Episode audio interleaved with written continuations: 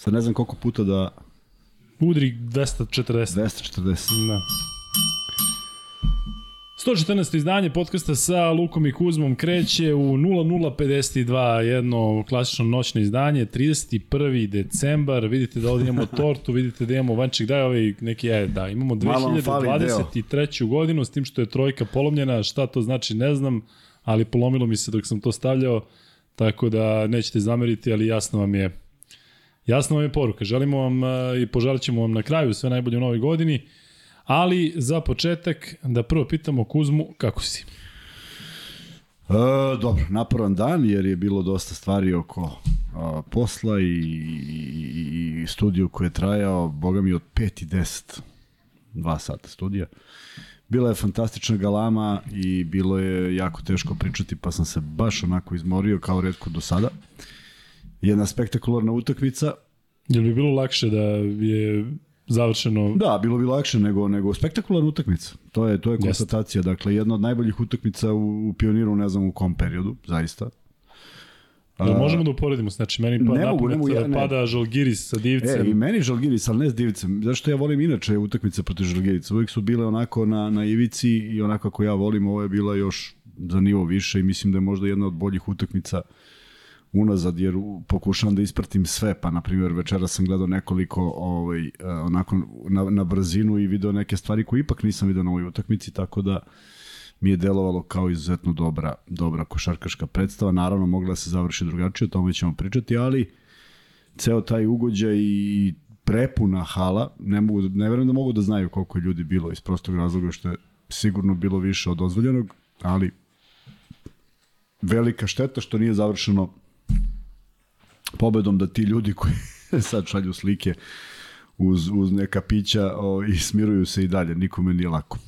E, kakva je bila atmosfera Kuzma? Ajde par reći o tome, pa ćemo kasnije Znaš šta, sve da problem je, problem je što je toliko, toliko bilo bučno da sam se, da sam dok sam pričao, jer ja nemam onu bubicu u uhu, a i ne znam i da imam, verovatno bi podjednako jako pričao, toliko sam, toliko se zadišem dok pričam da mi uopšte nije bilo prijatno jedno vreme, srećom Darko imao dosta priloga, pa smo ovaj, malo uspeli tako da izbegnemo duži razgovor, ali generalna atmosfera i sa sve onom koreografijom, zbog čega je kasnije početak sa crveno-belim papirićima, sve je bilo onako kako treba. Na, mislim da svi koji su bili pamtići tu utakmicu, dobio sam mnogo poruka da im je žao što nisu. Stvarno se tražila karta više, mnogi su došli ispred sa nekom nadom da će ući, nisu uspeli. I, i eto, o, nešto, nešto što se ne dešava baš tako često. Ove godine nije bila takva utakmica, to sam ubeđen a ne mogu da se setim ni ono iz covid kad nije bilo ovaj kad nije bilo navijača, tek tada nije bilo. Tako da onako baš jedan jedan jedan doživljaj ako tako mogu da, da, da, da kažem, sa vrhunskim igračima, sa jednom izuzetnom ekipom Zvezde, ne zato što uh, pričam o nekim simpatijama, nego pričam o činjenici da se Vidlosa povredio u četvrtom minutu, da Bentil Maltene ne igrao i neke stvari koje je odradio bolje da nije ni igrao. I, Mar, i, ovaj, i Holland koji je za divno čudo bio dobar. Počeo da igra. Da, košarku. da, neverovatno. Za divno čudo odradio je par tako dobrih stvari. Sad, znaš, strašno je kad moraš da pogledaš da je to, da ti to primetiš na, na, na toj utakmici. Ali, uh, svaka čast igračima Zvezde, uh, na onome što su prikazali. Protiv jedne ekipe koja mi je delovalo da nema falinku, a ima, u stvari ima i to ozbiljnih falinki i stvarno mislim sada da, da neko ko unosi tu bespotrebnu nervozu jeste ovaj, Jasikevičius, bez obzira što mislim da je odličan trener, ali ima tu žicu koja je danas samo slučajno otišao, otišao za Barcelonu sa, sa pobedom. Ne mislim da je uradio mnogo toga, naprotiv u nastavku je dobio i tehničku i isključujuću, ne znam koja ideja bila iza svega toga, ali e, od početka svoje karijere iz nekog razloga on pre, pre, previše priča sa sudijama. I to mi je smetalo u Žalgirisu zato što sam mislio da je početak njegove karijere da treba se fokusira na igru svoje ekipe, a ne da priča sa sudijama. Sad je kao jedan od najmoćnijih klubova sa najviše, najvećim budžetom opet priča sa sudijama. Kada vodi, priča sa sudijama. Kada gubi, priča sa sudijama. Kada se spasi iz ne, neizgledne situacije, tek onda nastavi da priča. Ja mislim da je sudija jedan od, pošto im ne znam imena i verovatno nikad neću ni znati, bio na tri puta na ivici da mu da tehničku i onda je na kraju, na kraju regularnog dela krenuo prema njemu, ovaj je nastavio da priča i odmahnuo rukom, razumem ga potpuno, nije teo da reši utakmicu, da mu je dao tu tehničku, utakmica je bila rešena. Ali, e, Barcelona je pobedila i e, ostavila onako jedan ozbiljan utisak pojedini igrači, pre svega Satoranski, apsolutno čovek koji 5 od 6 za 3, čak ta jedna nesigurna trojka. Dugo mu je trebalo da postigne nove poene, ali igrač koji je stvarno u jednom velikom u, igra se jednim velikim samopouzdanjem. Mirotić koji je primio koji je, koji je dočekan zaista neviđeno. Ne pamtim da je neki, neko ko nije igrao u Zvezdi dočekan na taj način. I e, izjave posle meča i reakcija kada je pogodio trojku, ja znam, sad, će, sad su mnogi već pričali kako se Beron radova, Mirotić nije, ali Mirotić nije pobedio utakmicu. Mirotić je šutno za nerešeno. Iz, ni iz čega. Dakle, šutno ja mislim da bi reakcija bila ista i da je, da je bilo Sigurno, zna. sigurno. Evo kažem, čak nije ni pobeda. Dakle, nema, nema mesta reakcije da sad on treba da nešto skače, pošto igra se još 5 minuta, pa treba zadržati fokus, ali u svakom slučaju gospodin čovek koji ovaj, a, mislim da mu nije bilo lako kad je izašao na teren kad je dobio onakve ovacije, jer kažem, ne pamtim. Kako izgledalo to? Fenomenalno, fenomenalno. Već je bila puna hala u tom trenutku. Da, da, da, da, da, i on izlazi i to je prosto deliriju. Znaš, zaista, zaista, ne mogu kažem da je iznenađenje, daleko toga da iznenađenje već priman, dočekivan tako, ali lepo je videti. Ne drugačije nego prošli put. Prošli put je već bilo zagrevanje i onda je Ovo potređen... su izašli, kako su izašli, tako je cela, tako su i ustali.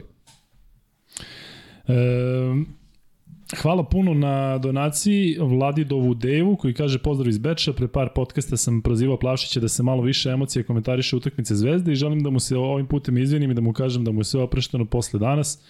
Um, Kuzma, ićemo naravno posle mm -hmm. i po mhm. igračima, ićemo i po detaljima, ali za početak mi imamo da saopštimo nekoliko e, stvari.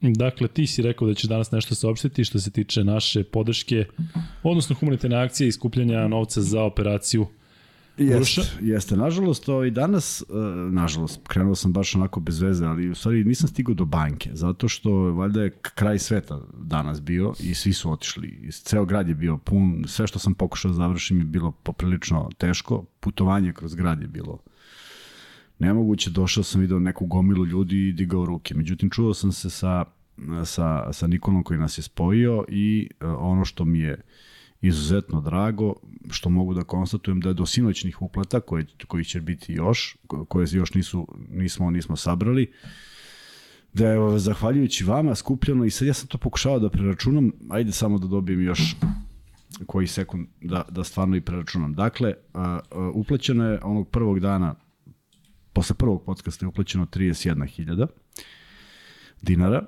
sada je skupljena skupljeno još 42.000 dinara preko svih e, mogućih donacija koje mi, čak i onih koji, koje su u najavi, dakle koje nismo dobili, ali prosto ne želimo da kočimo tako nešto. I ostalo je još još 63.000, dakle 63 i 42 je 105, 105 i 31, 136.000 je skupljeno Fenomenalno. Što je fenomenalno. A znamo dakle, da je bilo i vas koji ste direktno uplaćivali da, na račun da, koji da. možete da vidite i dalje u opisu naših videa. Ovo je posljednji dan kada skupljamo novac zato što je tako, tako nam je rečeno. Tako... A, ispostavlja se da se još ne za dan lečenja, ali e, nastavit ćemo ovu akciju apsolutno kroz, druga, kroz drugačiji neki, neki ovaj, samo zbog toga što je dosta komplikovano sve ovo. Na, naime, e, novac na Paypalu leže dosta kasno. I sad ne, ove stvari srećom možemo da pokrijemo, ali ako stigne ne možemo nešto da pokrijemo, moramo da čekamo pitanje koji je taj rok. Tako da tek ću, tek ću ovih dana saznati do kad je u stvari planirana hospitalizacija, pa ćemo mi produžiti akciju do dana dok to bude bilo moguće, u svakom slučaju da pomognem Urošu. Ali e, čuo sam se, kažem, sa Nikolom i rekao da uopšte nije žurba, znači da nisam morao danas ne znam šta da uradim, iako sam pripremio sve, ali eto već u prvi, prvi dan kad budu banke radile, završit ćemo i to. I da se zahvalim svima, zato što bez vas ovo stvarno ne bi moglo ovako. Uh, hvala svima što su kupili nešto na taj način, neku šolju ili majicu i donirali u tom kontekstu direktno na račun malog Uroša, ostali njegovog oca, tako da sve je ispalo fenomenalno i nastavit ćemo dok god bude bilo potrebno. Milan Jeftić, naš uh, drugar iz Švedske, donira kao i obično i kaže srećna nova 2023. Hvala, hvala. Milane, hvala puno svima. E, pričat ćemo i zdravit ćemo se na kraju, odnosno te želje ćemo da ostavimo za kraj podcasta. Ali Kuzma, ali imamo još nešto što treba da pričamo. Danas ćemo da, da imamo one tabele za kraj za fantaziju, tako? Imaćemo, imaćemo, da. Imaćemo tabele, Vanja nam se vratio, to je dakle ono što je novo, nije bio tu dva podcasta, a Srki Veliki je i dalje tu, tako da eto sad je ta jedna zanimljiva četvorka, fali nam peti za jednu dobru basketašku petorku. Kako igraš ti basket, Srki? Vanja znam da igra. Slabo, a? Da, ali kad neko dođe ti možeš šamanom da ga paučiš, da ga nokautiraš. Taj nam treba, znaš, taj ideš da obavlja prljave poslove. Ja i Kuzma smo za ove... Za, Kuzma je za faulove, ja da šutnem ono 6000 trojki i tako. Um, Dobro, e, mi ćemo dakle raditi danas, e, vidjet ćemo koliko će vas biti u live, evo već vidim da vas ima preko 1000, što je zaista fascinantno za jedan sat posle ponoći. A radit ćemo e, naredni podcast redovno u ponedeljak, tako da nema šta, tako Vanček, ponedeljak ponedeljak, nema praznika, nema ničega, nastavljamo dalje, igra se Sledeće kolo Euroligije, igra Saba Liga, dakle što se tiče prelaska iz jedne u drugu godinu, ništa to ne utiče na košarkaški e, ritam utakmice i sve što, što se dešava. E, Kuzma već ima nekoliko pitanja ovde, vidim da ljudi komentarišu Jeskiviću se njegovo ponašanje što smo i mi uradili malo pre, ja moram da kažem da mi je taj E, taj čovjek mi je sve onako, sve veći, pa ne mogu da kažem čak ni neki gnev ili bez budi, već onako, već, već počinje da smara sa tim izrazom lica pa da, u svim mečevima. bilo da kako. ga protiv Saragosa, da. dakle nije bitno ko, nije bitno gde, dere se na onog jadnog da silu zato što je napravio korake, Znači, ja sam siguran, potrebno je Darko Raković bio i kada smo pričali o tom odnosu kad se evropski trening deru na igrače, on je pitao, pa bi, je li ima neko ko bi volio da se šef dere na njega da ode na posao i da se onako dernja. On je neprijatno pred, pred jeste, milionskim jeste, auditorijom. Je, preterano je, pogotovo što on Tako se drao i u momentu kad je bilo 10-15 za Barcelonu. Dakle, nema nikakve Ali izvini, on nema taj očinski uh, ne, moment ne, kao što ima Obradović. Ne, ili ne. kao što ima Ivanović, pa kada drekne ili nešto, Znaš, to vidiš, ne, on je malo stariji od tako, pojedinih igrača tako, koje trenira, tako, tako da... I, I ja mislim da tu i dalje on negde razmišlja kao igrač, to je ono što je velika boljka, nije izašao iz toga, i, i koliko, koliko uh, sam eto, taj Žalgiris posmatrao sa simpatijama kad je on uspeo da sumuva na, play, na, na Final Four, jer, jer uvek volim da neko ko, ko nije planiran, ko je nekako poremetio sistem bude tamo, toliko ovo u Barceloni na posljednja dva potpuno nije postojao, a sad vidim da i, pošto nam je jako blizu klupa, apsolutno svaku reakciju sam obratio pažnju i ne mogu da smatram da je to ne mogu da smatram. Smatram da nije normalno i ne, ne, ne služi ničemu, zato što igrači ulaze kao pokazni. To što ima odlične igrače i što Mirotić ne želi da izgubi utakmicu, što Higgins ne želi da izgubi, što i Brines, a Brines ne želi da izgubi, to su neke druge stvari. Tako da, bespotrebna nervoza na plus 15, pa onda bespotrebna nervoza na, onda, a onda normalna nervoza na minus 10, a onda u egalu kao da, kao da je, se ništa nije desilo, nastavlja sa istim tim nekim pritiskom na sudije. Da li je to bila ideja da on bude isključen pa da, pa da se nešto drugo dosudi? Zaista ne znam. E, Sećam da sam ga vidio nasmejano. Ne znam, kad, kad sam ne, tog lika ne, video nasmejano. Ne, dakle, daš, u nekom pozdravljanju sa trenerima ili ne znam kako, ali nikada. čak ima i neki, ima neki uh, klip iz kafane gde su oni Željko, mislim da i tu ima isto te izraz lica, znaš, kao, ne, ako, ne ako ne grešim. Ne valja to. Vladimir Šutić donira, hvala puno Vladimir, vidim da navijaš za internacionale, imam nekoliko drugare koji su veliki fanovi, čak i bio jedno vreme i jedan kafić gde je bilo svega i svačega što se tiče Intera, ako sam dobro prepoznao ovaj tvoj logo. E, top je nešto primetio, top je primetio sam to i ja, to dranje na, igra, na ove klince što su čistili parkit juče i mogu ti reći da je bilo neprijatno malo, slažem se. E, Kuzma da prokomentariše igru Bentila, nećemo krenuti od njega, nego ćemo krenuti uh, od kraja. Kuzma, uh, svi pričaju o tom kraju, dve stvari su toliko očigledne. Prva koja je bila odmah očigledna, svi su dakle zvali ono tvoje da se da se napravi faul. Ajde da krenemo Ajmo od da početka. Dakle, od početka te situacije. Da. 9 sekundi do kraja. Da. Lazić čuva Higginsa. Bilo je jasno da se on povlači. Korak, mogu korak, Ajde. korak, korak nazad. Prva, prva zbunjujuća situacija nastaje u momentu kada Higgins šutira jako brzo na 35 sekundi do kraja. Šutira onu trojku kratku. Igrači Zvezde dolaze do, do poseda i stoje. I ide neki čudan pas prema Petruševu, Petrušev koji stoji daleko ispod svog koša, pa on paralelu prema, prema Markoviću i Marković je taj koji treba da izvodi slovo na bacanje. Marković ne bi trebalo da bude taj, ne zato što ja nemam poverenja u njega, nego zato što nije šutirao na utakmici i sad treba preuzme odgovornost za nešto što, što nije moralo da bude tako, prosto moglo da se odigra na bilo koji drugačiji način. Tu je već prvi problem zato što je na, na, na veliku žalost svih e, Marković promašio drugo slovno bacanje što u ovom slučaju pravi ogromnu razliku. A što se posljednjeg napada tiče, dakle, e, cela ideja na 9 sekundi, onako kako ja to vidim i kako bi ja pokušao da, šta bi ja pokušao da uradim. Higgins nije igrač od juče, Higgins je igrač sa puno iskustva. Onog momenta kad je primio loptu nije uopšte bio u poziciji, nije se on naslanjao na, na, na, na Lazića.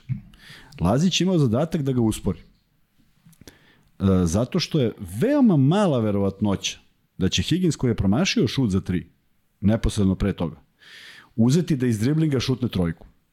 Dakle, na timeoutu je sigurno bilo govora o tome da se usporava Higgins, da se ne pravi faul, pošto dobro izvodi slovo na bacanja, da se naročito ne pravi odma, zato što onda ostane još 8,5 sekundi, a oni će opet napraviti za pola sekunde, pa si opet u istom odnosu, nego da se to desi kada bude bio pas.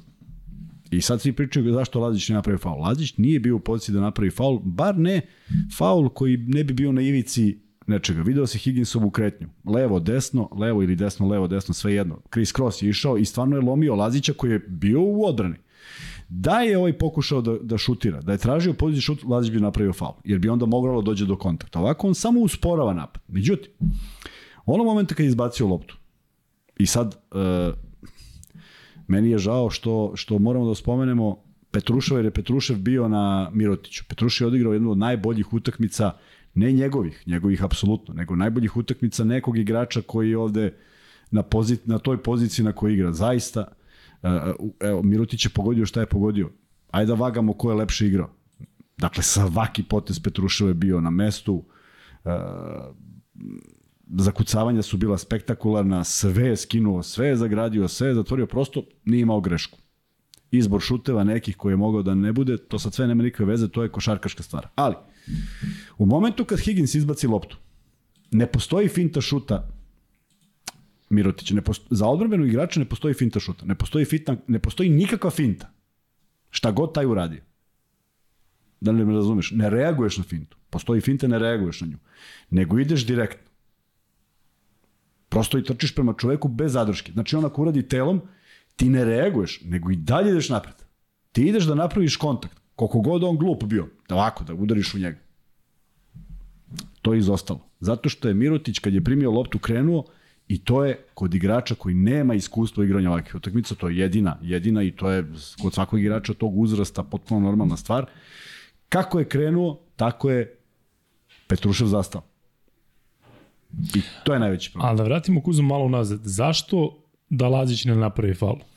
Zato što nije bio u poziciji protiv bržeg igrača koji, ako pobegne na onu varijantu levo-desno... Ali isto tako da ide pravo u njega. Zato što je bilo 9 sekundi do kraja. Razumem rezon da se sačeka 5-6 sekundi da bi se uštedilo na vremenu. Ali meni je ova situacija slična kao kada je Panter ovog Howarda čekao protiv Baskoni. Uh, u smislu, ovaj se zaleteo isto levo-desno, levo-desno. Panter ni u jednom trenutku ili nije bio u poziciji ili nije znao da ne treba da napravi faul.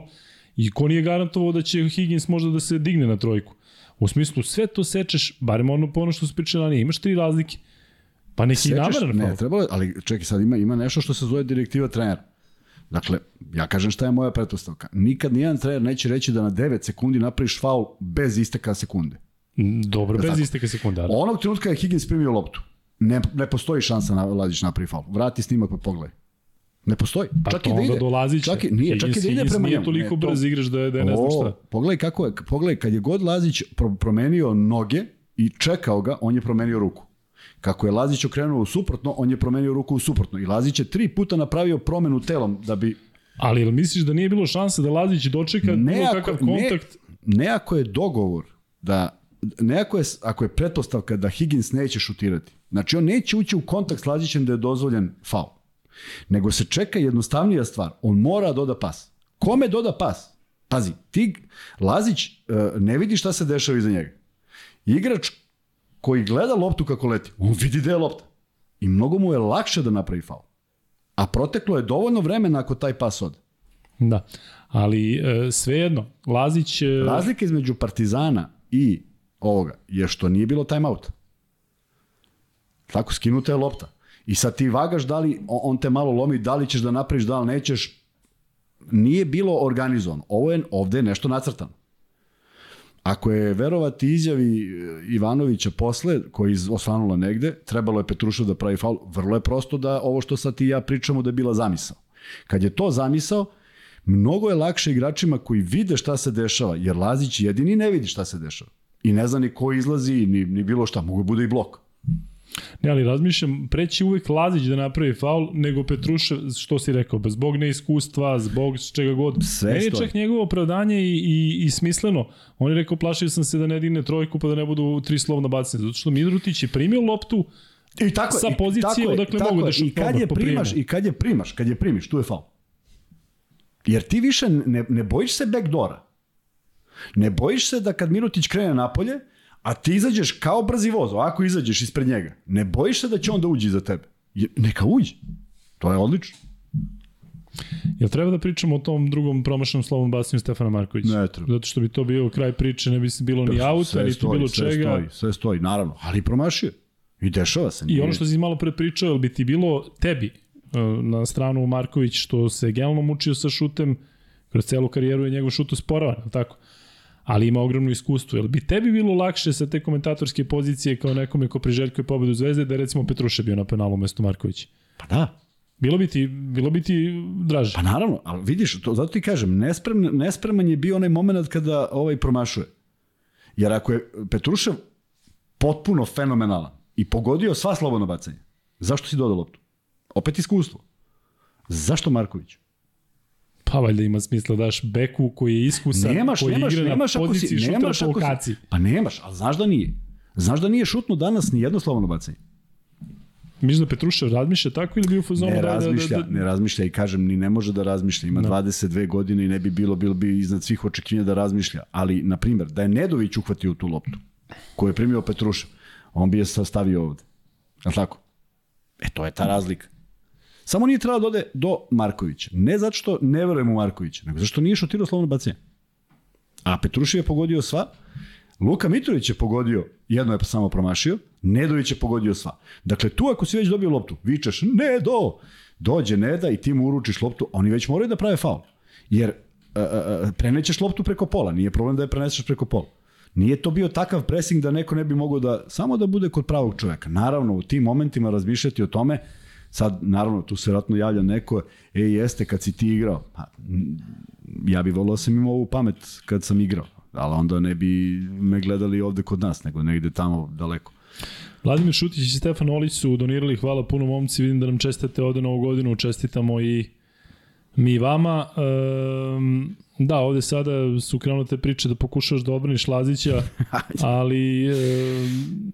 Dobro, evo, ajmo, ajmo ako da pojednostavimo trener Ivanović je rekao, faul je trebalo da napravi Petrušev. Jel možemo tu da stanemo ili da ja sad i dalje ispadne da nekog brani? Sigurno može da se nastavi zato što će sad neko da uzme argument kao pa uh, Ivanović je Jel, evo ovako, evo ovako. Ne, ne, ali, jel misliš da on to rekao u smislu, rekli smo da je Petrušev napravi faul ili u situaciji u kojoj Mirotić primi loptu trebalo je Petrušev da napravi faul? Evo ovako, ja da sam trener i da me Lazić nije poslušao, ja bih rekao Lazić trebalo da napravi faul. Vrlo prosto.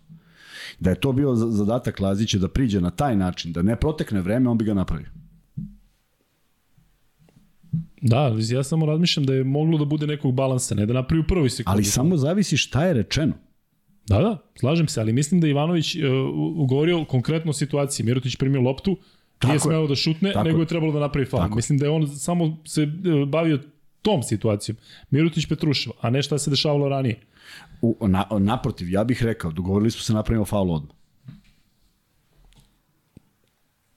Krenuo bi od kapitena, što bi krenuo od Petruša? Ja bi tako, ako, ako je njemu data direktiva, ali ja mislim da bi ga oni napravili. Nego prosto je bilo. Uh, nijedan trener neće reći, ako vodiš, neće reći napravite faul odmah. Znači što ako vodiš tri. Zato što su oni napravili faul za 0,5. I oni bi stali u taj zonski pressing i napravili ponovo faul na Nedović. Opet to i on mora da ubaci. Ne, ne, nisam mislio odmah, ali uh, Higgins dribla kroz celo svoje polje, tako? On je dodao negde na, On na, je na liniji jako centra. brzo, on je jako brzo napravio Ali su prošle 2-3 sekunde, tako? 4 možda. Dobro. Je li tako? ali ne možeš da priđeš uvek kad ti pomisliš. Dakle, ako te neko izbaci, ako si ti stao i on kreće u levo, ti planiraš sada da napraviš faul i taman prebaciš noge i on je vrati na drugu stranu, ne možeš da ideš ka njemu. Prosto ne. moraš da se okreneš i da se povlačiš nazad. Kad je Lazić to uradio, ovaj je prebacio u suprotnu, opet je Lazić promenio položaj nogu, čekajući mogućnost da dođe do kontakta. Kad je bilo na pola, ovaj je izbacio loptu. Tu je kraj, ja, ja ne vidim da je moglo da dođe do kontakta, osim da se ovaj stvarno zaleti, pa možda i da proleti, jer mogu bi, mogu bi da ga izbegne. Ne, razumem šta pričaš, ali ako je ideja na, na timeoutu bila da Lazić uspori Higginsa, tako? Tako je. On ga nije usporio. Ja te razumem sada ti govoriš da ga ovo izbacio, ali ako neko može na planeti Zemlji, a ajde da uzmemo e, igrače zvezde, ako govorimo o agresivnosti u odbrani, to znači da niko drugi ne bi mogao Higginsa da zatvori, odnosno da ga, da ga spreči u onoj situaciji, tako? Ako, ako neko može, to je Lazić, tako? Da. Da, ako Lazić ne može, znači niko drugi nije mogao. Higgins bi onako protiv bilo koga na, na svetu rešio i do pola došao lagano i podelio pas. Sad, sad idemo baš mnogo daleko. Dakle, ja se vraćam na nešto što mi deluje zdravorazumski. I sa, na time outu su rekli u kom momentu se pravi faul. Ja mislim da tu treba završimo, sa, jer postoji milion opcija. Možda je jedna od opcija ovako glasi. Trebalo je Lazić da stane tako da Higgins može samo u levo. Je li tako? Možda je to trebalo. Da mu ne dozvoli da ga, da ga promeni i da ga prati, da samo trči iza njega, pa neka Higgins naskoči i šutne. Možda i to, ali to sad svi govorimo šta, šta sve možda. Ja mislim da je tamo bila jedna tabla na kojoj je trener nacrtao nešto. Pretpostavljam. To I... mislim da je i u odbrani rađeno, u smislu sada... Kako može Ivanović da crta, sad nam objasni samo tehnički da crta u odbrani ako ne zna uopšte šta su postavili oni drugi. Kako, kako Ivanović zna šta, su, šta je postavio Skivičius? Kako misliš? Kako Jel defanzivno Ivanović može da kaže, e, mi branimo ovako. Ne, stojiš, stojiš u zatvorenom položaju prema svom čoveku. Dobro, pa onda nema šta da Tako. crta na tabli, tako? Pa mora, ne, oni negde moraju da stoje. Ja sumnjam da će njih petorica stoje na svojoj polovini, je li tako? Znači oni kažu, zamišljaju, ti stojiš ovde kao Mirotić teško da će stajati na, ispod koša, ako im treba tri. A Brinac teško da će stajati ispod koša, znači zamislio si gde neko stoji. I oni tako i jesu stajali, u, u šuterskim pozicijama, ne u polaganju. I ti sve što treba jeste da zatvoriš taj prvi pas. Nisi zatvorio prvi pas, nije sporno, otvorio se dobro Mirotić, ali onda ideš pravo na njega. Ne ustukneš, nema više povratak, nema više finta, nema ništa na šta više reaguješ, nego samo ideš u kontakt. I mnogo jednostavnije, to veruj mi na reč, mnogo jednostavnije kad ti vidiš ceo teren, nego kad Lazić treba napravi falo ne vidi. A sve to sad nije važno. E, nemam šta da štitim Lazića, ja da je on dobio direktivu, ja, bi, ja verujem da bi on i napravio faul. Potpuno sve jedno. Ono što je dovoljno problematično je što je Mirotić primio loptu i ispostavlja se u autu.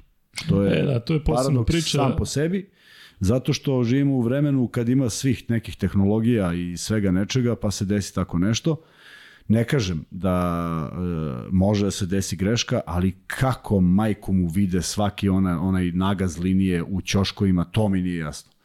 Ali sve, svi do jednog sudije tačno pogledaju tu. Kako je sad moguće da dvojica sudija koji stoje na toj strani nisu gledali baš bar jedan? Ne moraju obojica da dunu, ali bar jedan.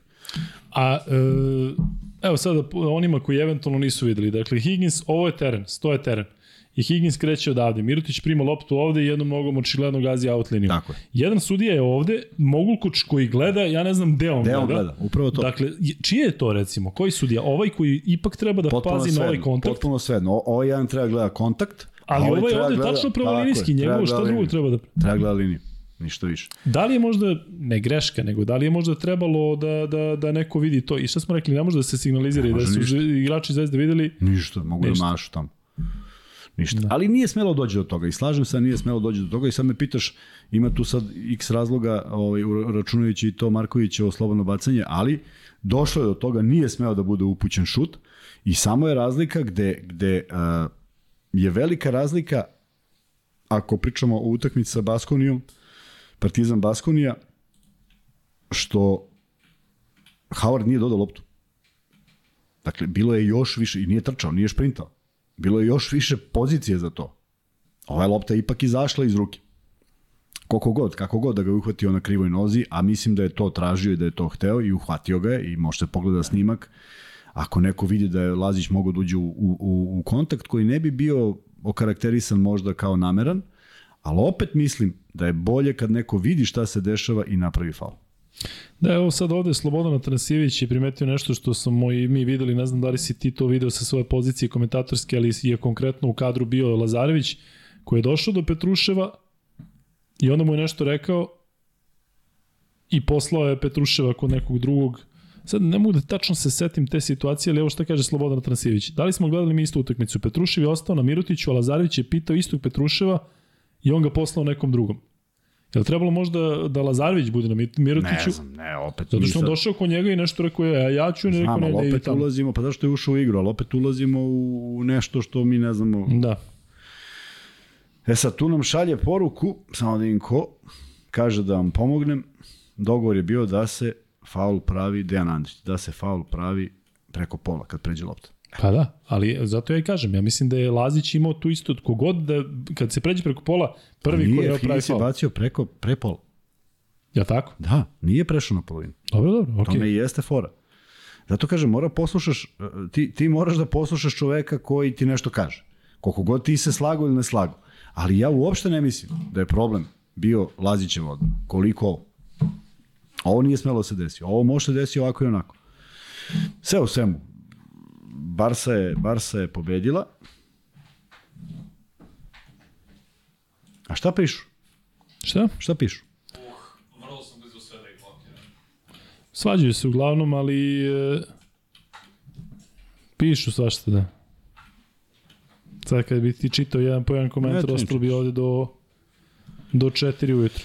U svakom slučaju desilo se to, uh, nije prvi put. Problem je što uh, svi ovi sve ove ovi ovi uglovi kamera i sve te kamere koje pokrivaju, ne znam, zaista večeras onako razmisliš čemu to služi ako ako se desi jedna ovakva greška koja direktno utiče na, na, na rezultat. Potpuno nevažno ko je nagazio, na kojoj utakmici, bilo gde, bilo koja utakmica, jednostavno kad se potkrade takva greška, bude malo da se zapitaš što su gledali onoliko snimaka i svega. I onda ima još jedan paradoks, znaš, ti sad možda ispucaš challenge, kao što je uradio Jasikevičius, da je sudija dolazi i do znanja mu stavlja da, da, da, da neće promeniti odluku, ali mora gleda challenge. E, ajde malo da pričamo još o tome šta sada ovo u stvari e, znači za Zvezdu. Ono što sam čuo Duške Ivanovića posle utakmice na konferenciji za novinare i onako prilično delovo sigurno u sebe i mislim da je to e, možda i najbitnije da će Zvezda iz ovoga izaći jače. On je, on je rekao večera smo potonili, odnosno pitanje je bilo da li, je, da li su igrači potonili, kaže naravno da jesu posle ovakvog poreza, ali e, sutra ćemo već biti jači. Ili sjutra, kako bi on rekao da citiram. Je li ovo možda ojača Zvezdu? Sve, pošto Zvezda može izvuče 50 dobrih stvari iz ove utakmice, pre svega poput e, toga da da je Vildosa povređena, da je Zvezda zaigrala fenomenalno bez Vildose. Mnogi su mislili da je Vildosa ovde motor i da bez njega bi bilo teško, međutim Zvezda je protiv Barcelona bila bolja nekih 30 minuta sigurno u tom periodu kada se Vildosa povredio pa do kraja. Dakle, ne zavisi Zvezda od Ne zavisi, tako? to je jedna od izuzetnih stvari, a uh, nešto što je što je najveći dobitak ove ekipe da su oni uspeli da odigraju tako na takvom nivou u momentu kada ne mogu da kažem da niko od njih, da je, da je svima bilo sve jedno kad izašao iz igre. Dakle, i tačno se osetilo da je tu negde pad, pad nekog, aj ne mogu da kažem morala, ali pad e, fokusa u igri, dolazi se na minus 15 i vidiš onako neprijatno se osjećaš u smislu kako li će se završiti utakmica. Međutim, potpuno drugačije u drugom polovremenu, svako na svom mestu, nenormalan broj izgubljenih lopti, ja mislim svega šest poštovanje lopte i odlične akcije, odlične kretnje, veliki broj asistencija, veliki broj onih pasova, jedan, dva pasa su završavali u košu, tako da je bilo uh, zaista lepo za gledanje i deluje, deluje da, da, da, da je samo da je samo pitanje uh, koliko je ozbiljna povreda Vildose, pošto on zaista jeste bitan faktor u zvezdinoj igri, ali kad Zvezda odigra ovakvu utakmicu protiv Barcelone, to je ono kad, kad uradiš nešto iznad svih svojih mogućnosti i kažeš na sledećoj pa nisam nešto mogao. Kako sad nisi mogao to na nekoj sledećoj? Dakle, ja mislim da bi trebalo posle ovakve utakmice da pucaju od samopouzdanja. Na stranu što će da ih, da, da ih pogodi ovo što su izgubili jednu utakmicu koja je možda i bila dobijena. Ali, a, ozbiljan pokazatelj da ne postoji onda neko koga ne možeš da pobediš. Bez obzira da li je na gostujućem ili na, na domaćem terenu. Prosto igraš 40 minuta, opet su igrali 40 minuta, 45. Nisu došli do pobede, ali ja mislim da nijedan gledalac u sali nema šta kome da zameri. Prosto te neke greške koje su bile, bile su košarkaške. A, bilo bi dobro da se isprave, bilo bi dobro da sledeći put bude neka završnica u kojoj će pravovremeno biti faul i očekivati da Petrušev ponovi ovu igru, da ovo ne bude jedan bljesak, ja mislim da nije, on se, se, se igra sa sve više samopouzdanja. A, Nedović, ja mislim, ne mogu kažem da gleda naše podcaste, ali valjda je shvatio koliko je ubitačan na...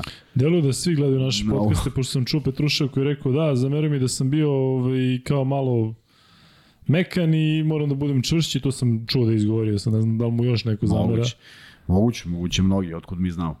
Ali eto, Nedović je igrao po mom ukusu sa neverovatnim osjećajem, sa neverovatnim ulazima i vidiš kad padne, kad padne snaga u 44. minutu, onaj kratki zicer koji opet može da produži utakmicu.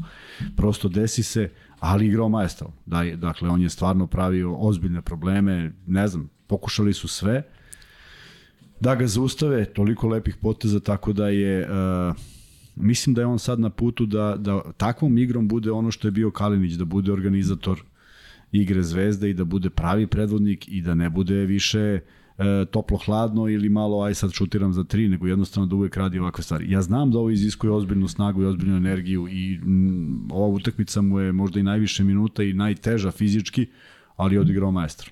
Da, ićemo igrača po igrača, ali da se zadrži malo na Vildosi. Kako je izgledalo to iz tvoje pozicije u smislu ona klasična povreda zadnje Pa lože? samo je nestao, da, i onda smo samo to zaključili jer tako nešto može da izgleda baš, baš ovaj, Kasnije kad se vratio, kad se obukao ili šepao ili nešto bilo, ste to da, stigli da, da, Jeste. onako je skakutao i sad je pitanje. Sada ti, ti kod zadnjih loža, kod povreda mišića, zadnje lože i bilo čega, nema istih povreda, nema dve iste povrede. Ne možeš kažeš, je, povredio se tako i Žika, pauzirao 7 dana. Ne postoji, ne znaš da li je to puklo, koliko, šta i kako. Ono što znam, medicinska služba Zvezde će uraditi sve što je, što je pričao Lukman, oporavljaju ih četiri puta brže, dakle imaće 14 terapija umesto u 14 dana nekada, sad će u 14 sati da ima 14 terapija, tako da samo je pitanje koliko je ozbiljna, naravno verujem da će preskočiti ovo, o, o, ovaj um, ABA ligu, ali pitanje je da li će možda i u Valenciji igrati, međutim, ajde da vidimo, da vidimo da li će Kampaco biti registrovan do tada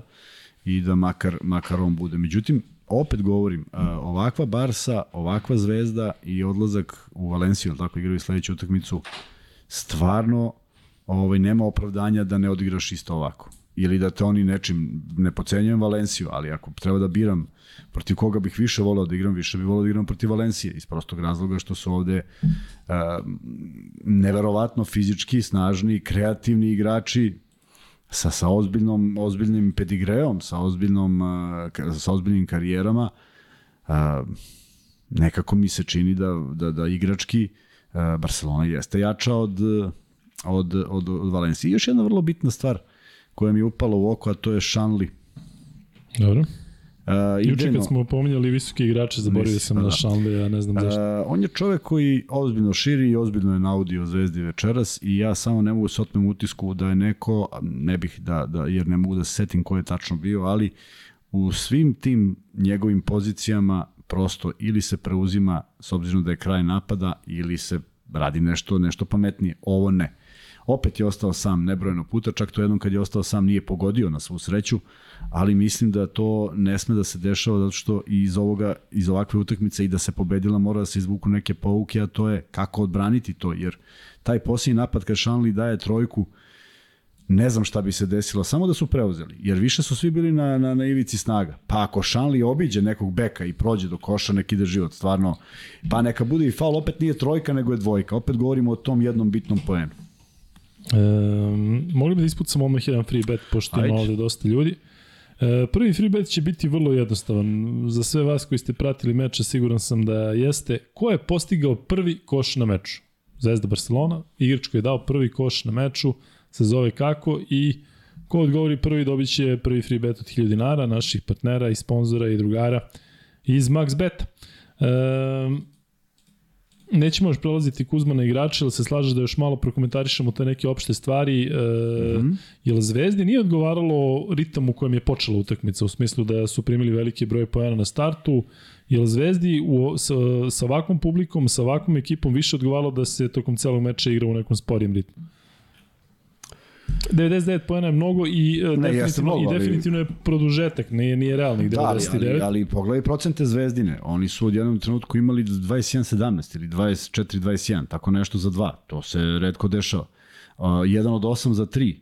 To jesu problemi. Opet sasvim solidni sa linije slovnih bacanja. Dakle, prvo polovreme koje je proteklo u dobroj zvezdinoj odbrani je takođe proteklo u zvezdinom dobrom napadu. 40 poena Barceloni koja slovi za ovaj, uh, ozbiljnu defanzivnu ekipu, pa na kraju regularnog dela ni to nije mali broj poena. Prema tome Zvezda je odigrala i sad svaku utakmicu u, u svom ritmu postiže dovoljno veliki broj poena. Ne možeš da se setiš velikog broja napada koji su završavani u petoj sekundi. Čak mislim da nije ni jedan. Ako možda jeste par njih, ali, ali generalno Zvezda igrala dosta strpljivo sa pronalaženjem najboljih rešenja.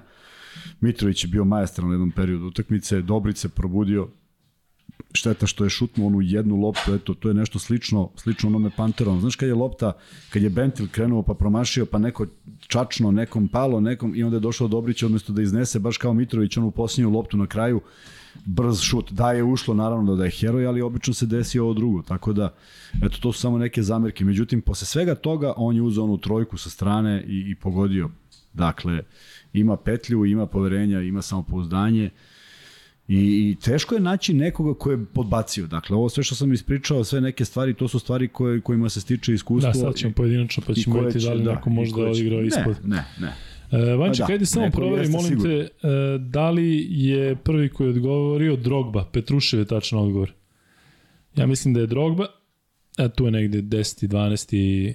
ali Petrušev je prvi tačan odgovor, mislim da je on prvi. Petrušev dao, da. Da, da.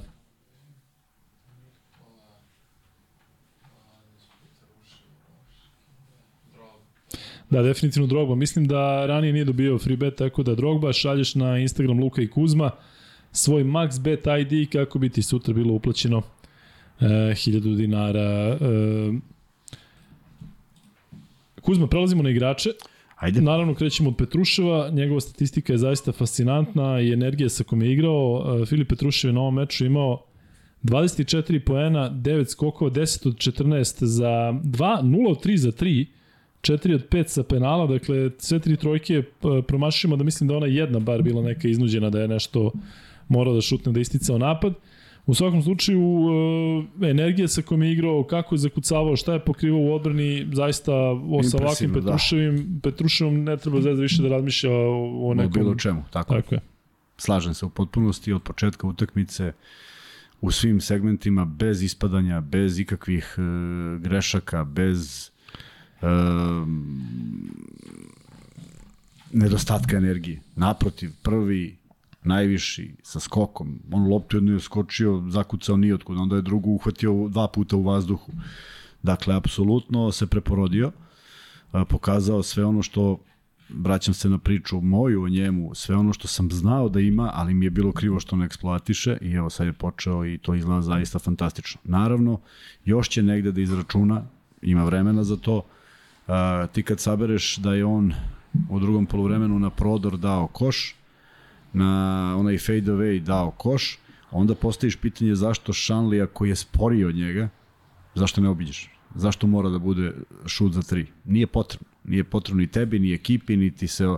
Znači jedna finta, pogotovo što su igrači uh, bar se bili u, u bonusu. I onda su bila ta tri napada gde Barcelona vrlo brzo vratila i to su možda jedina tri napada gde se malo gubila gubila glava, ali u ovakvoj utakmici, u ovakvoj atmosferi, u činjenici da igraš bez, pa se nije, sad nije samo bez Vildose, znaš, igrao si malo, i, malo više i bez Bentila, što će reći da, Da. da. je ozbiljno podbacio. Kažeš da ima nekog, da niko nije podbacio, ali Da, da, doćemo do Bentila i ovde da jedno ima, čekaju, da. jedno Da, da. čekaju da dođemo do Bentila.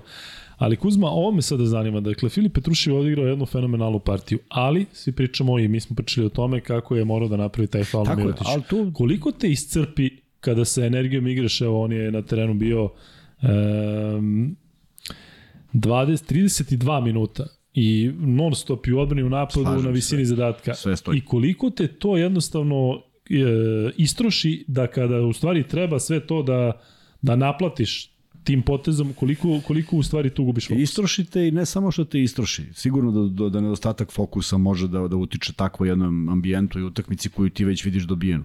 Ali utiče i činjenica da to nisi imao prilike da mnogo vežbaš. Naime, ne može sad Ivanović kaže, aj sad posvetimo jedan trening od dva u nedelji, koji imamo ukupno u onim putovanjima, sad mi vežbamo završnicu utakmice. Ali prosto, e, e, nekada može da deluje prilično banalno. E, Sećaš se ovog Tom Ludvig? Ovog tvog iz... Da, da. On je, na primjer, došao s koleđa, ima jednu fantastičnu vežbu koju mi nikad do tada nismo upražnjavali. Vežba glasi. Jedan za partizan, kao zamišljamo igramo derbi, jedan za partizan, imaju slobodno bacanje. Daju drugo. Kako ćemo što pre loptu u tranziciju za šutere u ćošku? Znaš kako je startovao tu vežbu na početku? Kaže, dva za partizan ima slobodno bacanje i pogađa kao tri. I pitamo šta ćemo raditi, pa pravit ćemo faul. On kaže, što da pravimo faul? Znači, koncepcijski je to bilo drugačije, ali kad, je, kad smo sveli na jedan je, pa nam treba trojka, ne možeš da veruješ kako dođe lopta do tamo. Jeste bili brzinom? blizu da to ostavite. Apsolutno, U, ne, nego da ostavite, u, jer se dešavalo e, da bude u Bio realnosti. više, slično. bio je više kratko tu. Ali hoću da kažem, to se vežbamo. E sad, o, o, ja, zamišljam, ja zamišljam kako bi ja. Ne znam da li to funkcioniše, ali, na primjer, zamislio bi da je neko izveo loptu i sad dešava se posljednji napad i stavio bi 10 sekundi i stavio bi neke zamišljene ljude na terenu i zamislio bi neke kretnje i rekao bih kako moraš da stojiš ako je tri razlike. Prosto kako moraš da stojiš. Ne zanima te kako se on kreće, nego kako ti treba da stojiš. Kako ti pokrivaš tu mogućnost da on šutne. Nek idu svi na dva. Nek primi on lob, pas i nek da dva. Potpuno sve jedno. Da, znači, moguće da se to trenira. Tako je, to se trenira. E, Da. Ja ne znam koliko su imali prilike da treniraju. Sad ne može ovaj, kažem, da posveti u moru tih obaveza, ti neke stvari koje su mnogo bitnije za košarku. Možda nikad ne dođe u tu situaciju da se to zaista i desi. Ali se vežba. I onda ti kad naučiš da stojiš u nekom, kako se, ka- kako se zove deny sad, ja jebote kao kako se zove. Šta dinaj. Pa deny, kao ti mu, o, stav mi mozak za srpski izraz. je. E, razmislim. Ne daš prečiš. prečiš. Pa ti ga sprečaš da primi loptu. Znači ti ako stojiš Onemogućavaš ga. Onemogućaš. Ti ako stojiš na liniji pasa, on može samo da ide unutra. Može trebalo da se postave svi tako da svi prime loptu na dva. Ali naravno i tu ima svoje rizike ako neko primi na dva pa zabode pa ovi rašire. Dakle nije to baš tako banalno. Aj sad pusti, svi stojimo negde u nekoj zoni pa čuvamo vazduh. U svakom slučaju ovo se vežba i moglo je da se navežba i moglo je da bude drugačije i samo sledeći put prosto trčiš kao lud prema čoveku koji ima loptu i ne razmišljaš šta on radi s njom. Ni da li fintir, ni da li fintir. Jedino da je Mirotić toliko bio svestan toga pa je ovako primio. Glej, on kako je primio, ispalio, a ti se baš zakucu njega. Ali nije ni on teo da baci na koš, i on je hteo da šutne. Tako da, Bob Mali te pitao, moguće da neko ko igra Euroligu ne zna kako treba da stoji, nego da mora da trenira. O, iznenadio bi se kad bismo gledali utakmice malo češće zajedno, pa da vidiš koje stvari sve e, čudne, čudne vidiš. A, ajde, vratite film. E, protiv koga je Zvezda igrala sad prethodnu utakmicu? U, pre, u ABA ligi ili... Olimpijakos. U, Olimpijakos i prethodno u Euroligi, a Samo da poželim srećne praznik. Hvala, Srki, Srki. sve najbolje ti želimo. Hvala na jednoj fantastičnoj godini, a vidimo se na početku druge i peglamo dalje da 23. a ova polovna. Samo da nam ne bude polovna ko ova. Ne? Ne, bio je Tako. Armani, bio je Armani. Bila je utakmica protiv Armani. Isto Dobro. je Petrušev stajao, pa je čovjek primio i šutnuo. Dakle, nije naviko tako da stoji. Ništa sporno, samo nema naviku. Ne može svako da se rodi da zna, ne može on sad iđe na teren i tačno zna gde je šta kako, ali to se da, da, da naveže. Da, stvarno lob pas ne može da ide preko njega. Dakle, on bi mogao da stoji to. 2 metra ispred Mirotića i Upravo on to, ne bi mogao ništa. Upravo to, upravo to. Zato kažem, neke stvari moraju da se da se urade, da ti, da, da, ali za to treba vremena. Onda u krajnjem slučaju neki trener pomisli to je rađeno, pa imaš neko saznanje, ne mora svako da ga ima, a mislim da mislim da se to da provežbati s vremena na vreme i mislim da je ovo nažalost moglo da bude i i da je prošlo i da je na primjer Mirotić primio loptu i šutno i promašio, opet nije dobro. Dakle opet bi morao da nauči e, e, neki, da, da, da stoji drugačije. Video si kako u krajnjem slučaju Lazarević pravi faul, uopšte ne razmišlja da li tu neko samo ide u telo, ide u čoveka i to je to. Naravno, E. sve to, sad ovo što pričamo, ne umanjuje kvalitet Pe- Petruša večeras. Dakle, ovo je nešto što će on steći iskustvom, a ovo što je pokazao, to očigledno već ima. I mene njegov napad nije ni brinuo. Ja bih samo želeo da on bude još bolji u ovakvim momentima i da, da prosto da shvati, prvi put kad bude odbranio tako, shvatit će koliko je jednostavno. I onda će tamo tako da se postavlja. Sve je stvar rutine. E, Vanček, daj pol. Dakle, sećaš se, dugo si bio na odmoru pa se borio. Za koga navijate? Zvezda Partizan ili neko treći? Volio bih jednom neko treći da dobije jedno 10% pa da se mi ovde zapitamo uje šta se ovo dešava. E, Naravno Kuzma, večeras. Idemo dalje, Nedović 24 poena, 7 asistencija, 8 od 11 za 2 i 0 od 6 za 3, 8 od 8 sa penala. Ko 0 6 za 3.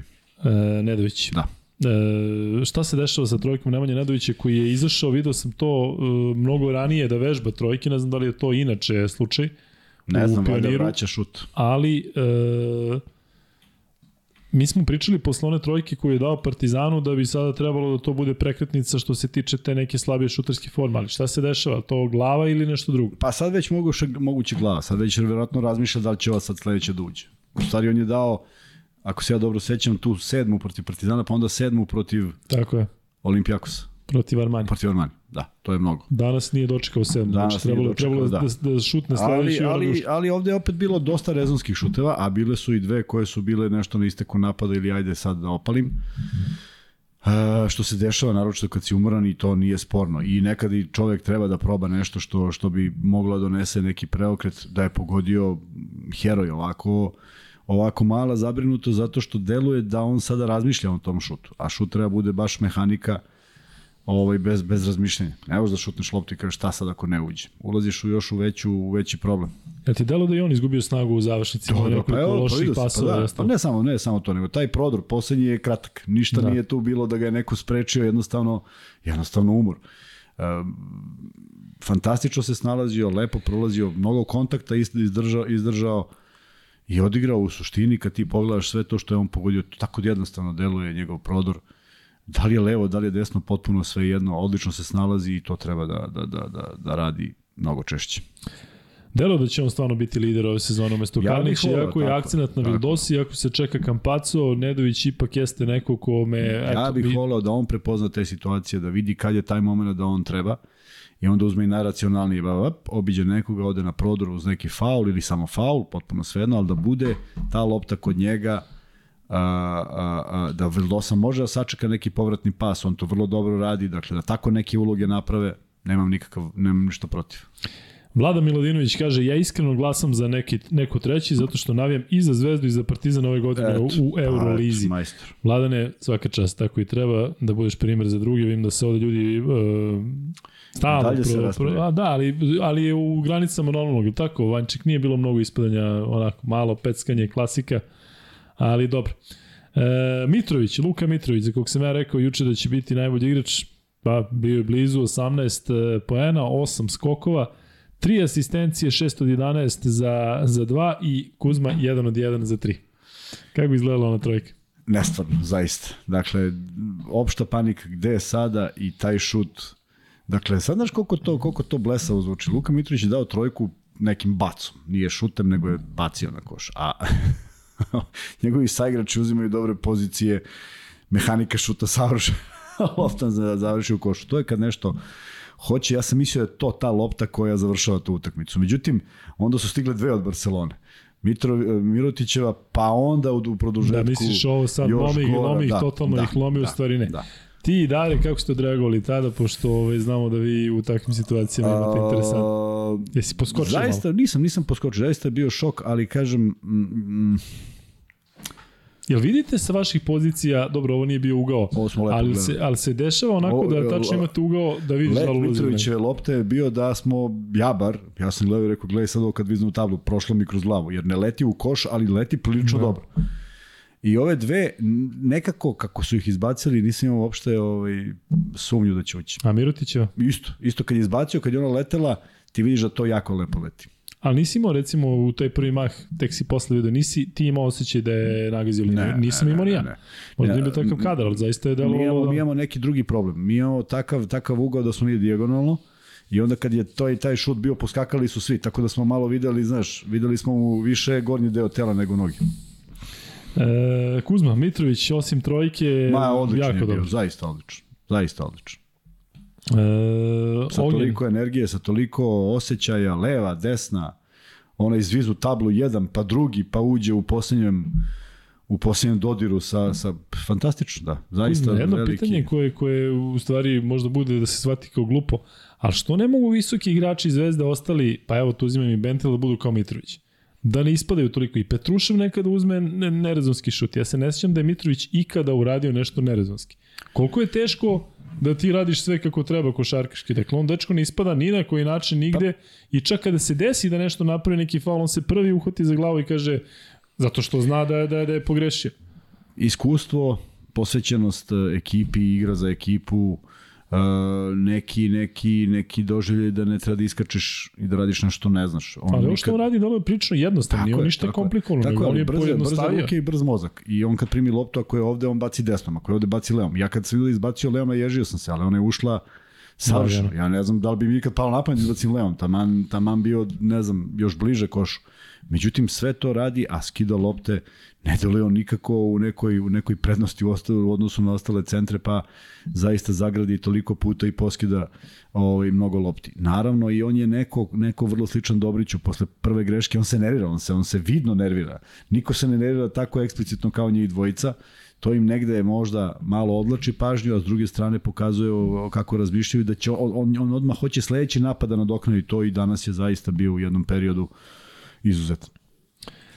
Sledeći igrač je Ognjen Dobrić, 14 pojena, 5 skokova, 4 asistencije. Ognjen ima, čini mi se, sve više e, i skokova i asistencija, nekako igra slobodnije. Jest. On je danas šutirao 5 od 8 za 2, 1 od 4 za 3, sa penala je imao 1 od 2 i e, kako tebi deluje Dobrić Kuzma, on zaista podiže formu ili... Samo još malo sigurnije, samo da to deluje još malo sigurnije. Jedna trojka sa 45 stepeni... Ali ona baš bitna. Ne, ta bitna je ušla. Ona je bila jedna koja je isto bila bitna, ali je baš bila na, na ivici, nije to bila dobra pozicija. Dakle, nije on uzeo dobru poziciju pa šutno kao što on zna, nego je sve to bilo dosta brzo. Šta je stigla ti neka poruka koja te pa da, pa, skroz... Nije, nije me skroz. Moj igrač je posle bio u zoni šuta, plašio se da napravim faul kada je krenuo gore, verovatno je bilo tri penala. Ranije smo mogli da rešimo utakmicu pre svega toga, sve u pravu. Nema tu sad nešto da, da se kaže. To kažem, uh, ne treba niko, ne treba sada da se pravi od ovoga, ne znam šta, baš zbog toga što je odigrao takvu utakmicu i baš zbog toga što ima toliko godina. Dakle, nema on 7 Euroliga u, u nogama pa kažeš vi kako je grešku napravio. Eto, to je jedina razlika i jedino razumevanje. Ali, ovaj, doći to. E, još malo Dobriću ili imaš još nešto da dodaš što se tiče njega? E, ne. Drugi asistent ekipe posle odlično, Nedovića. Odlično, odlično. E, Holland, dolazimo do Johna Hollanda. Najbolja partija, pojena, ja mislim da je par, njegova najbolja partija ove ali sezone. Ali Kuzma što onaj šut, ono, ono, ono cimanje, pa onda ide u, u levu stranu, onako približava se vašoj komentatorskoj poziciji, što on sebi dalo da oteže. Kada je pogodio trojku, njegov sledeći šut je bio u levom koneru sa nekim A, step, sa, da. side step u out. Da, ne znam, ali to, i, to je, i to je igračkije nego ono što je ranije radio u a opet smislu, nije baš a opet nije baš savršeno, ali bolje nego kad kreira. Međutim, eto, presečena lopta, ona kontra, faul iznuđen, 7 poena, dosta brzih i, i iskorišćen u pravom trenutku. Dakle, i to je, i to je ono negde gde trener vidi, znaš, proceni da to ide i u nekom momentu kad ostija to ne može više da funkcioniše, op, ja mislim da je on odradio izuzetan posao na ovoj utakmici, ako poredimo sve ostale utakmice. Dakle, vrlo kon konkretan u odbrani. E, na Kaleniću nije bio onaj faul, mogo je Srve s njim, mogu da preuzme sve, iznudio jedan faul, iznudio ovo, iznudio ono. Više nego zadovoljno. E, Ognjen Kuzmić je minut bio na terenu, tako da, da nećemo da komentarišemo i dolazimo do Bena Bentila koji je... To je, je... Najveća, najveća misterija šta se sad tu izdešavalo. Kuzma, ali šta je sa onim šutem, ono za tri je puklo, dakle kao ne, ono, da, ono je, je, ono je neki pritisak kod njega u glavi, niti je bilo neko istek, istek vremena, bila je pozicija gde on potpuno sam, potpuno. Njegova pozicija, dakle ne neka pozicija sa koje ne šutira, ja mislim da mu je to možda i najomiljenija, tu oko 90 stepeni, toliki promašaj, baš veliko iznenađenje, a onda vrati film kada njemu Marković daje jednu loptu i sad vidi, onu, onu kad on gubi loptu ispod koša posle otvaranja. Sad gledaj, Evo ovako. Mm, nažalost, to je tako. Možda nije, možda nije potpuno isti, isto, a u suštini dosta različito. Naprimjer, kada Lazarević ubaciš jednu takvu loptu i ne uhvati, ti konstatuješ, kažeš, nije se snašao. Ali kad Bentil, ne, kad Bentil ne uhvati tu loptu i kažeš, čekaj, ovaj mora da uhvati. On je, on je došao da bi je uhvatio. Od ovog mogu da ne očekujem da je uhvati, možda mu treba minuti sezona i nešto, ali ti kad je ne uhvatiš, onda je to ozbiljan problem. A on je danas, osim onog, one dvojke koju je dao iz reketa posle, posle zidanja. Jel koliko je dao poena? Četiri. Četiri. I, ko- I ima još jedan koji ubacio u koš. Dva pet za I ima one kad je priletao i ubacio u koš. Ali ima skok u napadu kada Zvezda brani pa njegov čovek skida. Ima ta trojka. Ima toliko stvari koje nisu funkcionisale i pritom ne možeš da se pouzdaš u onu jednu stvar koja, koja kad bi bila ostvariva već je dovoljno dobro. Da kažeš Lazarević ajde izađi, uđi Bentil i onda nastavi isto onako da čuva Mirotić. Nije moguće. Tako da, sad, kako mu sad naći ulogu, evo, pokušao je, pokušao Ivanović ponovo, i njega i Holanda, ne znam kako im sad naći neku ulogu koja im više pristaje. Ali vidiš, Holland je igrao e, dobro, pa nije zaradio minut, minutažu. A Bentel nekako delo da ima uvijek minute iako igra loše. Pa, valjda, se, valjda postoji nada nekada da će nešto da, Da, se desi. Ne znam kako drugačije da vidim. Prosto toliko Ne, zašto telo... Holanda stalno čitam ovde 7 minuta, 5 minuta Da, da, danas, da, 10 da. minuta, ti je naigrao se Holanda od 7 poena. Da, da, da. Imaš Bentila koji je od 18, od 19 minuta koliko je odigrao, 17 bio u kontraritmu i beskoristan za Jeste, ekipu. jeste. Zato što mislim da, mislim da mu nije pronađena pozicija koju Ivanović očekivao da izvuče od njega. Ko je sad tu u pravu, da li ovaj to ne može, a, a mi vidimo, a Ivanović ne vidi, sumnjam. Mislim da pokuša da isprovocira nešto da bi Zvezda igrala bolje. Jer ako on uspe da 4 do 8 poena ispod koša, pa to je već e, kapital ozbiljan. A ako će on samo da šutira trojke, onda ne znam koji je taj treći segment u kojem on treba da učestvuje. Jer odbrana definitivno nije. Tako da žao mi je zato što on deluje prilično dobroćudno onako, nije nije neki ko igra za sebe i nešto On je super tip, dakle, on je super tip. i zezator i sve, Tako ali je. na terenu... Izgleda, izgleda kao od brega odvaljen kad treba da se spusti dole opšta panika i pritom uh, uh, neke šuteve koje uzme, uzme na nervnoj bazi. I onaj prvi koji je fintirao pa je šutnuo, to, sa naše pozicije videlo da je jaka, samo je pitanje da li će pogodi obruč pa je slučajno pogodilo. Misterija mi je taj promašen šut na taj način. Razumem da promašiš, ti šutneš pa ono lepo leti, ali ovo kako je izbacio, znaš ono osjećaj kad vidiš da lopta leti neprirodno brzo. I još kad se sjurila onako pored, pored obruča, onako samo je bio muk. Čak niko nije ni, ni ništa ni reagovao, niko nije imao ni uzdah, nego jednostavno šteta, šteta zato što, zato što mislim da dobija za razliku od Holanda, da je negde procenjeno koji su njegovi kapaciteti. Tako mi deluje. I šta Ovde može i pokazuje u nekim mečima na početku sezone ovde se koliko očekuje može. da može. Sada, znaš, Jest, da. sad, sad imaš ozbiljan problem. Uzmeš, uzmeš, na primjer, oni su uvek na tapetu, oni moraju da budu na tapetu, postoji im je to posao. I sad zamisli ovako, ti kažeš, čekaj, Bentil igra fenomenalno, Zvezda 1-6. Bentil igra loše, Zvezda 7-6-1 ili kako već, pa čekaj, šta sad da? Znači, on ispada da, da, da je najbolje partije pružio u šest poraza. To ne valja. To ne valja, jer ti mora budeš najbolji u pobedama, ne najbolji u porazima. To, Um, sada ću malo da proširim priču u smislu otići ćemo možda u nekom pravcu u kojem, u koji redko kojem idemo, ali, ali zanima me tvoje mišljenje o sledećoj situaciji, zadržat ću se kod Bentila. Dakle, danas sam pustio studiju dok sam išao na posao da čujem da nešto ne propustim, pa sam onda uspeo da ukačim i njegovu izjavu za sport klub, u kojoj je rekao sledeću stvar, e, da dobija poruke od navijača na društvenim mrežama da je najbolji na svetu, ali da dobija i neke negativne kako mu treba ne znam šta uraditi sa porodicom i da ga to Da, da, mnogo a- nervira i da je porodica svetinja, porodica nam je svetinja svima i niko ne voli da mu diraju porodicu. Ali zar nije e, vrlina da nekako uspeš od toga i on kaže ja na to odgovaram pa onda ko zna u što ulazi i ko zna, zašto razmišljam, ko zna kakve poruke dobija sada kada imaš toliko ljudi koji su besni koji su, možda nisu ni baš sav skroz svoji i uh, gledam njegovo psihičko stanje i mentalna stabilnost nije baš na nekom nivou. Koliko da. je moguće odbraniti se od ne takvih možeš, stvari? ne možeš, ne možeš. I sad pazi, tu imaš sad neke ludake koji će to da rade. Više možda i čak iz ozbiljne zajebanci. Dakle, da ga, da ga baš tako poremete. Ne mora čak bude navijač zvezde, zar ne? Može bude bilo ko. E, ti to čitaš, uplićeš se u to i stoji ti negde. Dakle, ja sam danas opet dobio jednu simpatičnu poruku. Ovaj, I Neku majmune iz Google nisam Zvezda. majmu, sad sam slina. E, listi onaj klijent. Nije. Nije, nije, nije. nije. Sad sam slina ciganska. U sred A što, što smo rekli da, da, Ne, ne, ne, ovaj, slušaj, da, slušaj. da, kad smo rekli da nećemo da se Pa baviti. služi zašto stigne na privatni, znaš, i onda je slučajno izašlo. Ali sad pazi foru. I onda ne prođe meni kroz glavu ko je to sad napisao, pa neko, neki navijač partizana, nego mi prođe kroz glavu što zamišljam da to dečko od 20 godina. I to me zaboli. To me zaboli. Ne zaboli što je on rekao slina. Da li me razumeš šta hoću da kažem? Nekome si se ti obratio, jer ovo sada, ovo sad preko telefona je prilično lično. To je kao nekada svoje vremeno, ideš i ulicu na ulici vidiš nekoga i kažeš majmune, to nisi radio. Ne ideš baš tako, jer ne znaš kako ćeš da prođeš. Možeš purgiru da kažeš.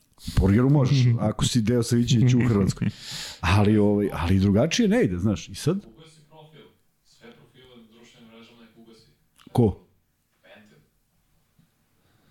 A, da Pa ne, ali pa dobro, ima neku komunikaciju drugo. sa ima, nekim tako je, ljudima, sad, znaš, naravno. Porodica, mislim. Pa što ti misliš da ja nemam neke stvari? Zašto vjerojatno bi me nervilo? Ne negativno, nego čak i kad nešto ne treba mi u Danas u životu, to Beogradu da ono... čovjek uzao mitraljez i Da, dobi komšija luk. tako je. Pa mi ga znamo kao povučenog čoveka. Elem, hoću da kažem da od toga ne možeš da se odbraniš. Kako se upecaš u to, ovaj, a, počneš da razmišljaš i stvarno ne radi, ne radi se više o tebi. Znaš si neko ti spomene porodicu. Nije Ali Kuzma, normalno. ti si to doživljavao kao igrač. Nisam. Nisu vam psovali majku od 10.000 ljudi 8.000. to je deo folklora. Ali nisam nikad dobio poruku lične prirode negde da me neko ili da me neko sačeka na ulici da mi preti. Baš nikad. A još da mi spominje porodicu. Ali ti neko direktno pominje majku i sve. To je deo su to folklora. radili isto dok sam To opravo. je- folklor, ali od toga se jednostavno isključiš. Šta da radiš? Toga se isključiš, zato Ali što... kad ti pokazuju ovako, kad Ma radio... ništa, ma ništa. I to je okej. Okej, nije okej, na, daleko od toga da je okej. Ali ovo te našao u gomili nekih tamo i on ti se lično obraća. Da, ali možda taj isti lik šalje to na 50 različitih Možda, adresa. možda, ali te, ali te pogađa jer ovo je sad deo, sastavni deo tvog života. To si slušao jednom na utakmici, pa igraš tu utakmicu ponovo sledeće godine. Ne dođeš ponovo kod tog navijača. Nećeš dva puta ako, si, ako se ništa našli u play-offu. Preguraš tu jednu, ne slušaš ništa i cepaš. Ali taj čovek ako te sretne, ništa ti neće reći. A ti ne znaš da li ovaj stvarno hoće nešto da ti kaže. Jer misli da ima pravo. Ne da ti kaže, nego nešto i da uradi. Tako da ovo je sve nešto blesavo i, i, i naravno da utiče na pojedine igrače i ne mogu, znaš, ja zamislim on kao i sad promaši tu loptu i, i, i shvata da se ne suočava samo sa kritikama o kojima mi pričamo da nije smeo da promaši na taj način jedan igrač tog profila. Nego ima neki koji će da mu kaže da će mu pobije porodicu što je promašio. Nije prijatno.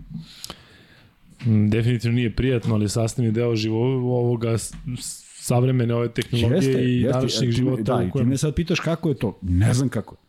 Stvarno ne znam i rekao sam ti da sam jednom reprezentativca jednog našeg koji je došao u one prozore, javio se najdobrovoljnije, neće da igra, da ne igra za zemlju, bio je jeziv jer je loše igrao generalno, ali je pojavio se tu. I sad on zna koliko je to već komplikovano što je on tu, a još je komplikovanije što je loše odigrao. Šta je on čitao o sebi? Ne pretnje, ali kakav je i šta je i nema pojma. Meni bilo teško. I sretnem ga i ne pitam ga konkretan moment, nego kažem, da čitate ove? Pa kaže, i da ne čitamo, dođe do nas. To ti to. E, Dobra stvar, na primjer, je nekad bila, igraš u Belgiji, jel tako? Kao ja, na francuskom sve piše i sad novine mogu napiši šta god hoće, a ti šetaš sve ti ravno. A što ne bi doveo sebe Ne u tu situaciju? uopšte. Ali što ne bi doveo sebe u tu situaciju i sa, sa recimo... E, Da ne možeš sa, do, sa domaćim, sa, evo, sa matnim jezikom koji, koji, koji čitaš. Ne jednostavno ne čitaš. Pa može onda ne čita, ali ovde se neko ubacuje u tvoj privatni profil. Ti ne čitaš, nisi ti otišao na sajt neki gde neko piše o Da, tebi. da su novine u Belgiji na srpskom. Jel bi to opet, e, jel bi čitao? Čitaš ili ne čitaš? Ne bi da čitao, na novine ne bi, ne, ne, nemam problem sa novinama. Imam Dobro. problem sa tim koji lično gađe. To Da. ne valja. E, idemo dalje sa igračima. Kuzma, neće ti se dopasti ovo kako ću formulisati naredno pitanje. Ajde. To sam siguran. Pošto dolazimo do Lazarevića i Lazića. Lazarević 21 minut na terenu, Lazić 25 minuta na I terenu. zajedno nula poena. Zajedno ne samo nula poena, nego zajedno Ništa. jedan šut. Dobro, Kada Zvezda igra zajedno u petorci sa Lazarevićem i Lazićem dobro. I protivnik zna da su oni napadački jednostavno bezopasni. Dobro. Koliki je to problem? Pa ja ne, nisam ga video, si ga ti vidio na ovoj utakmici. Koga? Pa taj problem.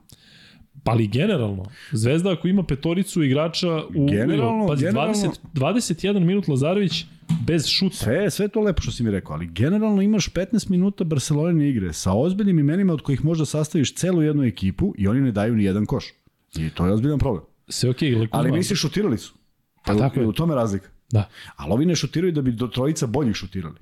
A ovde su petorica šutnuli svako po jednom i niko nije pogodio. Ali fokus je onda totalno na ovoj trojici, onda Slažem su se. Nedovićevi šutevi 0 od 6 zato što je pet šuteva Nisu, preko ruke nisu, sa 7. Nisu. Ne zaboravi da je, na primjer, Lazić odigrao dupli pas sa, sa Mitrovićem kojem je ispala lopta, inače bi bio koš. Dakle, nije baš sve tako. I drugo, uh, uh, ajde sad, ajde sad, ne mora niko veruje šta ja pričam, to je potpuno nevažno, mada ima ljudi. Drago mi je zbog toga. Uh, Ivanović, šta, drži ih na parketu zato što ne proizvode ništa. Ajde da završimo tu priču. Slažem se da statistički to izgleda tako. Ali Mirotić nije dao koš, zato što Lazarević nije dao nijedan koš. Baš zbog tog fokusa. Ja to, meni to više odgovara zašto je Mirotić u većem problemu nego što je Zvezda u problemu ako Lazarević ne daje poen. Ali jel, pratimo Euroligu, pratimo klubove, jel možeš da pronađeš još neku ekipu gde imaš igrače koji igraju 20 plus minuta, a ne šutiraju? Ne mogu. Pa Sad ću, reći, sad ću ti reći zašto. Zato što si ti dao činjenice da nema domaćih igrača u 90% klubova. Možda je to problem. Ovaj čovjek igra zato što je do, dobio privilegiju da igra za zvezdu. Ponikao, imao nenormalne muke sa povredama. I došao je do situacije da igra Euroligu. I on će da Govoriš igra o? o Lazareviću. Ima da je igra ako mu trener kaže skačeš samo tamo u aut i bacaš se na svaku loptu i koju možeš da ohvatiš, on samo to radi. Ja razumem da on prihvatio svoju ulogu, Tako. ali taj dečko neće igrati ceo život u Hoće. Crvenoj zvezdi. On hoće. Ne, hoće, treba da igra, treba da igra tu gde može, dogod može da ostane u zvezdi, treba da ostane u zvezdi. On ne može da bude strani igrač u inostranstvu. I on je toga svestan. Ne može. Ne zato što ja to ne volim, nego zato što ne može. I meni je žao što sam išao u inostranstvo. Zaista mi je žao. Prosto morao sam, nije bilo klubova više. Ali pre dve sezone, a možda i prošle, Lazarević imao dobri napadački rol.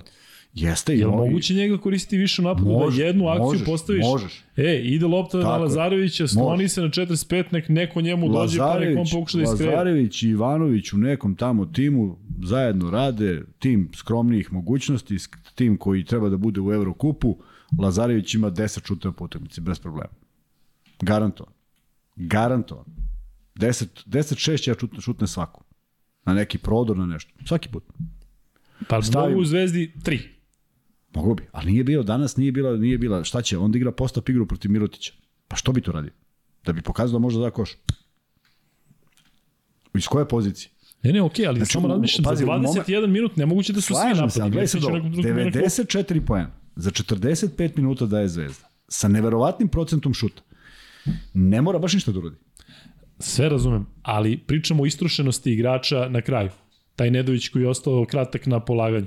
Pa možda zato što čovjek u svakom napadu je 90% lopti ide na njega, 90% je šansi da on završava. Je li tako? Da je malo rastereti i njega. Ne daj možeš da ga rasteretiš u 44. minutu. Nemoj da Ne u rasteretiš 44. minutu, nego ranije. Da on nema toliko danas potrošnju nije, da ne zna. Danas proslo nije bila utakmica da neko treba da bude rasterećen. I pogađali su. Mitrović, pogađao je Nedović, pogađao je Petrušev, pogađao je Dobrić. I su svi docifreni. Jesu. Pa šta ćeš više, četiri igrača dvocifrena, koliko treba da bude? Osam. Ali, ali dalje mi nije jasno kako čovjek u nekom trenutku ne bude sam, da, da neko ne, u odbrani ne, ne, ovo, za 21 minut ti imaš 50 poseda, recimo, karikiram, 40-50 Pa možda je bio sam, Da u nekom trenutku, Pa kažem ti, se prosledio. lopta, pa da se... Pa on to daje. On kad se odbija lopta, on je imao fantastičnu rolu protiv Olimpijakosa. Ali nije se igralo na njega. Nije. Niko nije sačekao akciju i rekao, ej, Laki, ajde malo, ti se spusti pa ti bacimo. Nije, on je, on je skupljao otpadke. I to mu je uloga. I on kad skupi otpadke, da je ovde, da je ovde uhvatio otpadke, da je Armaniju dao onaj koš kad je skinuo loptu, drugačija priča za ta dva poena. Sećaš se? Jeste, ali zato i govorim, ona koji je toliko nesiguran da ne gleda ka košu Nije, nije i da ne, košu. ne, samo je bio u poziciji, samo danas nije bio u poziciji. Danas čuva Da. višeg čoveka, mnogo višeg i jednog od najboljih u Euroligi. Što sad on baš će njemu da ne znam šta napravi. Sa mnogo iskustva i zna kako se čuva, čuvaju ti igrači. Ali je u odbrani bio fenomenal. E, Vanček može da zatvoriš ovaj pol da vidimo koliko ima zvezdaša, koliko partizanovaca, koliko nekoga trećeg. Mi ćemo naravno kada završimo uskoro sa ovom e, zaista istorijskom utakmicom da pređemo malo i na ono što čeka jedni i drugi u e, ABA ligi. 59% zvezdaša, 34% partizanovaca, 5% neko treći, dakle rasti neko treći. E,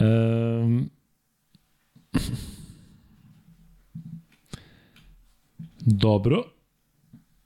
A vidiš sad kaže ovde, Đape, dobro Luka, sledeći meč protiv Partizana ti reci Žocu da zove akcije na Vukčevića pored Pantera, Nanelija, Egzuma i Lesora. Ne mora da zove akcije, ali da jedno, pritom Vukčević, kao što ste videli, on šutira, ima slobodu da šutne i gleda kako košu više. Ali, ovaj, žao mi je, zato što mislim da Lazarević je trenutno momak koji, koji ima mnogo je mlad e, i Ajmo ovako. sutra će, evo govorimo ovako, sutra će, sutra će možda trebati on negde da se proda, da zaradi dečko neke pare. Kako ćeš sa ovom statistikom od toliko poena i toliko Neće, svega? neće, Morat će tvoj neće. menadžer da kaže, ali on šta je, radi, a ovo će da kaže, neće. pa meni ne treba Tako takav igrač. slažem Ja ću da ga platim toliko da bi ovo. I zato treba Zato poštovati, zato treba poštovati to što on radi. Kako ne, ja njega poštujem i maksimalno. poštujem. on dečko nema ni jednog gde nije da napravio bude? masu da mu pa, to smeta. Ne sjećam se ni Pera Božić da igrao negde. Ne sjećam se ni Dule Kecman da je pravio neku vanserijsku karijeru sa strane. Dobro. ali Ne sjećam se, sam se ja osjećao dobro gde sam igrao, bez obzira šta sam uradio. Ne osjećam se dobro, jer to su potpuno drugačiji principi. To, to, ali sve se gleda kroz statistiku. Ti uzmeš pet najmoronskije šuteva u istoriji. Šutneš 5, 3, 9 i 2 2 slovne bacanje 11 i znaš šta kaže ovaj?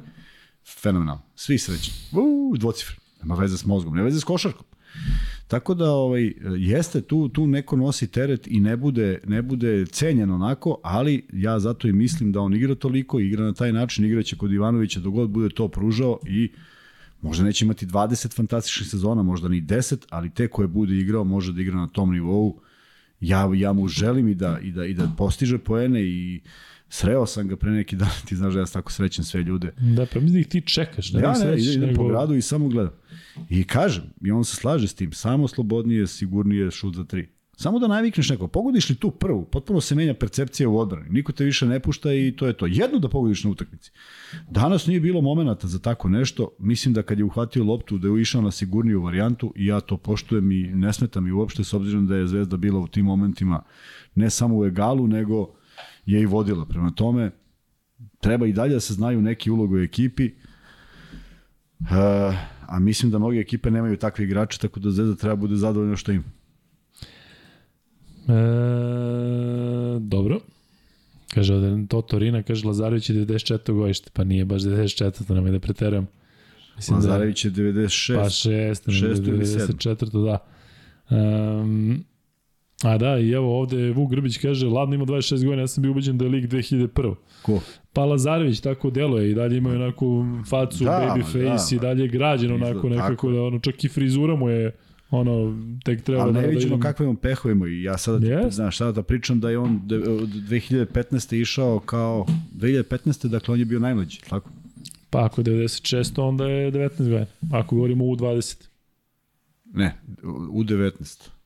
Pa nije da, Da, 19. 96. da. On nije bio najmlađi. Nije bio, bi- bilo, bilo je mlađi. Bio je, Simanić je bio najmlađi. Ali on je išao sa povredama, on je zglobove nešto povredio, jedan polomio. To je svake godine ti čitaš o njemu da ima neki abnormalan peh.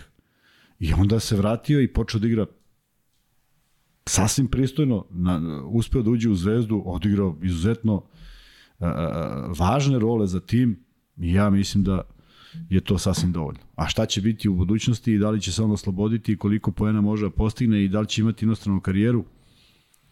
E,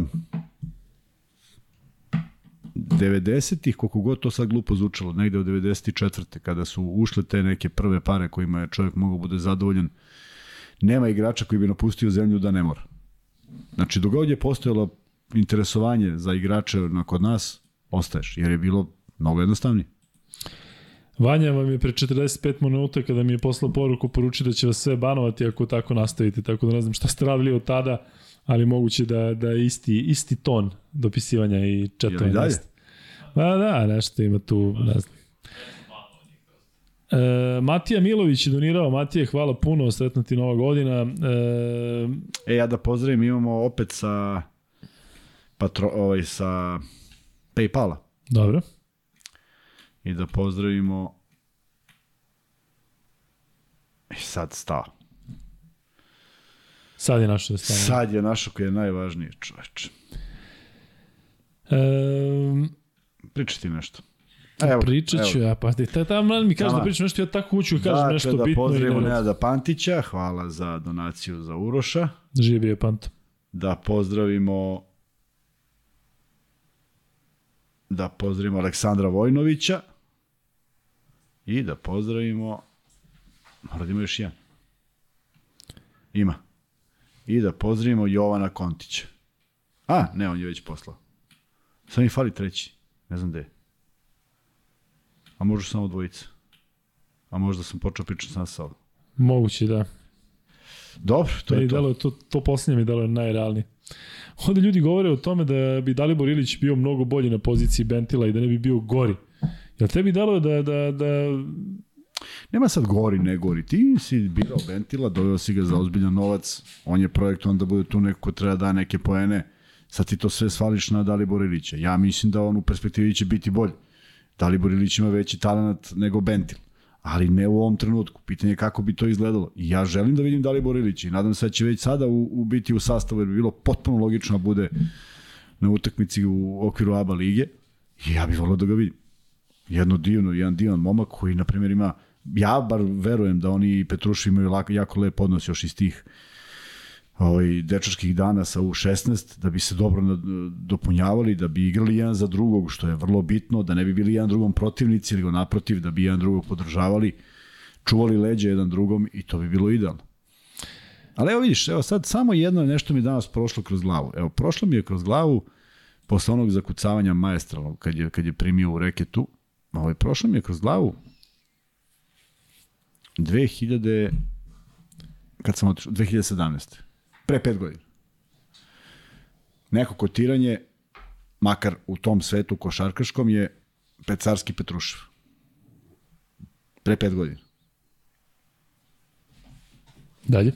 Pa, vidi sada. Pa dobro, dešava se. Dešava se, upravo dešava se, zato što imaš fokus šta radiš, kako radiš. Isto su prošli i Pe- Pecarski je bio kod uh, u Megi. Jeste, da, I da. Petrušev bio u Megi. I menjao je sve i svašta. I menjao, promenio, promenio, promenio Da. i igra, igra neku čudnu košarku. A ovaj je odigrao utakmicu protiv jedne od najboljih ekipa u Euroligi i ja samo želim, da on nestane ovde, nego da, da nastavi, da bude Zvuči kao da da nestane, nestane ovde, da, da, ono, ovde, da, da, da, može. ga više ne vidimo. Da nestane i da i da bude još bolji i da bude ovako standardan, mislim da da da talenat ima apsolutno, samo verovatno će nedostajati snage u nekom momentu, ali a, kad odigraš ovakvu utakmicu stvarno možda budeš zadovoljan i i, i, zna, i znaš šta, znaš gde postoji sad problem? Gde postoji u psihi, neko od Petruša, postoji u psihi mnogih igrača. Barcelona u a ej, letiš, Mirotić, 100.000 ljudi, ba, ba, ba, i onda dođe kao neki manje atraktivan protivnik. Pa ne, naprotiv, to je to. Je, to, je to. Zato treba da ponoviš. Ne moraš da letiš, ali treba da odigraš jednu ozbiljnu utakmicu i da stalno od sebe, sebe teraš da igraš ozbiljnu utakmicu. Čuo si ovi američki igrači, Kobe Bryant, Michael Jordan, koliko su sebe terali da budu sve bolje i bolje. To, ti je, to, je, evo, to je najbanalnije. Sad dođe utakmica, ne, ti ne izlaziš na terenu na ABA ligi, je, znaš, ja sam Mirutiću dao 20, nego uzmeš i zgaziš tamo koliko god možeš da daš i kažeš, to je to, idemo sad dalje. To su lepe stvari, to su sportske stvari. To su sportisti. E, možete sada da krenete da postavljate pitanja o.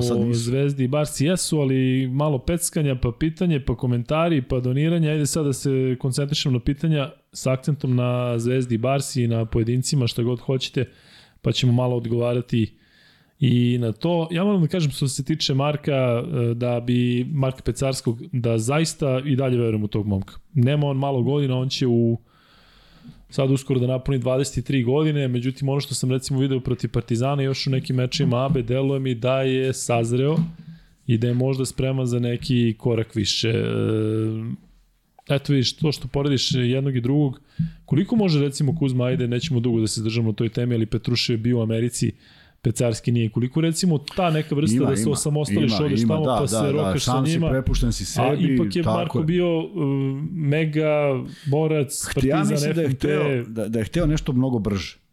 Da, da su ti izleti bili zato što je on želeo to sve nešto što je on ima u glavi da bude što pre. Ne može što pre, prosto ima neki, neki put kojim se ide. I neobičan je izbor klubova, znaš, neobično je, uh, mo, moja karijera je manji, pa veći, pa veći, pa veći, znaš, pa ideš negde, pa kad dođeš u određene godine može da se malo spusti, ali ti si proprobao sve. Ovo je nekako čudni izbori, jedna sezona ovde, jedna sezona ovde, e, pričaju treneri, znaš, pričaju među sobom i pitaju kakav je i šta je i nema du mnogo dobrih preporuka. A evo ovo je sad sam, sam sebi napravio preporuku na osnovu ovih igara, ne na osnovu ove utakmice, nego na osnovu potencijala koji on pokazuje, koji se samo sublimirao danas i eksplodirao. Dobro li Petrušev se podigao posle one loše epizode Tako u Efesu, što znači je, da je tako moguće, je, tako da i e, Pecarski e, ali isto to može da je, uradio, tako? Tako je, ali on je otišao iz, iz Efesa u Zvezdu, ostao u istom rangu takmičenja. Da, on je jasno. tražio najbolje, najbolji rang takmičenja da bi pokazao koliko je dobar. Ko je domet Petruševa? Ako Ne, sad već ne znam. Sad govorimo o karijeri, jel on može Ja da bude u budućnosti jedan, možda ja mislim da on gleda, bitan on, centar u on, mislim da on reprezentaciji. gleda NBA. No, njemu sigurno pogled ka tamo. Ali sad samo zavisi koliko ima ugovor ovde. I ako ima duži ugovor, ja bih volio da on ode sa, sa ozbiljno dobrom sezonom, dve, tri Euroligi. Zato što će biti kompletniji za, za tamo. Sigurno će biti kompletniji. Bogdan Bogdanović je kompletniji od, od mnogih njegovih uh, savremenika istog godišta koji bi otišli sa i, i sa jednom velikom satisfakcijom. Odlaziš tamo kao osvajač nečega. Nisi pristalica ovoga što Pokuševski, Jović Ne, ostalo, pa ne, čak i Jokić. Isto. Jović opet, Jović je opet možda neki, neki, neki vid ekstrema, radi se izuzetno talentovanom detetu, koji ima možda građu, mnogo bolju nego Pokuševski. Pa mi deluje da će on tamo da se snađe. Poznajem u oca, ako je nasledio neki taj, taj sportski, sportski e, gen na njega, možda nema prepreka, možda će on stvarno da se, da se, tamo, da se tamo preporodi. A možda će biti jedan od mnogih.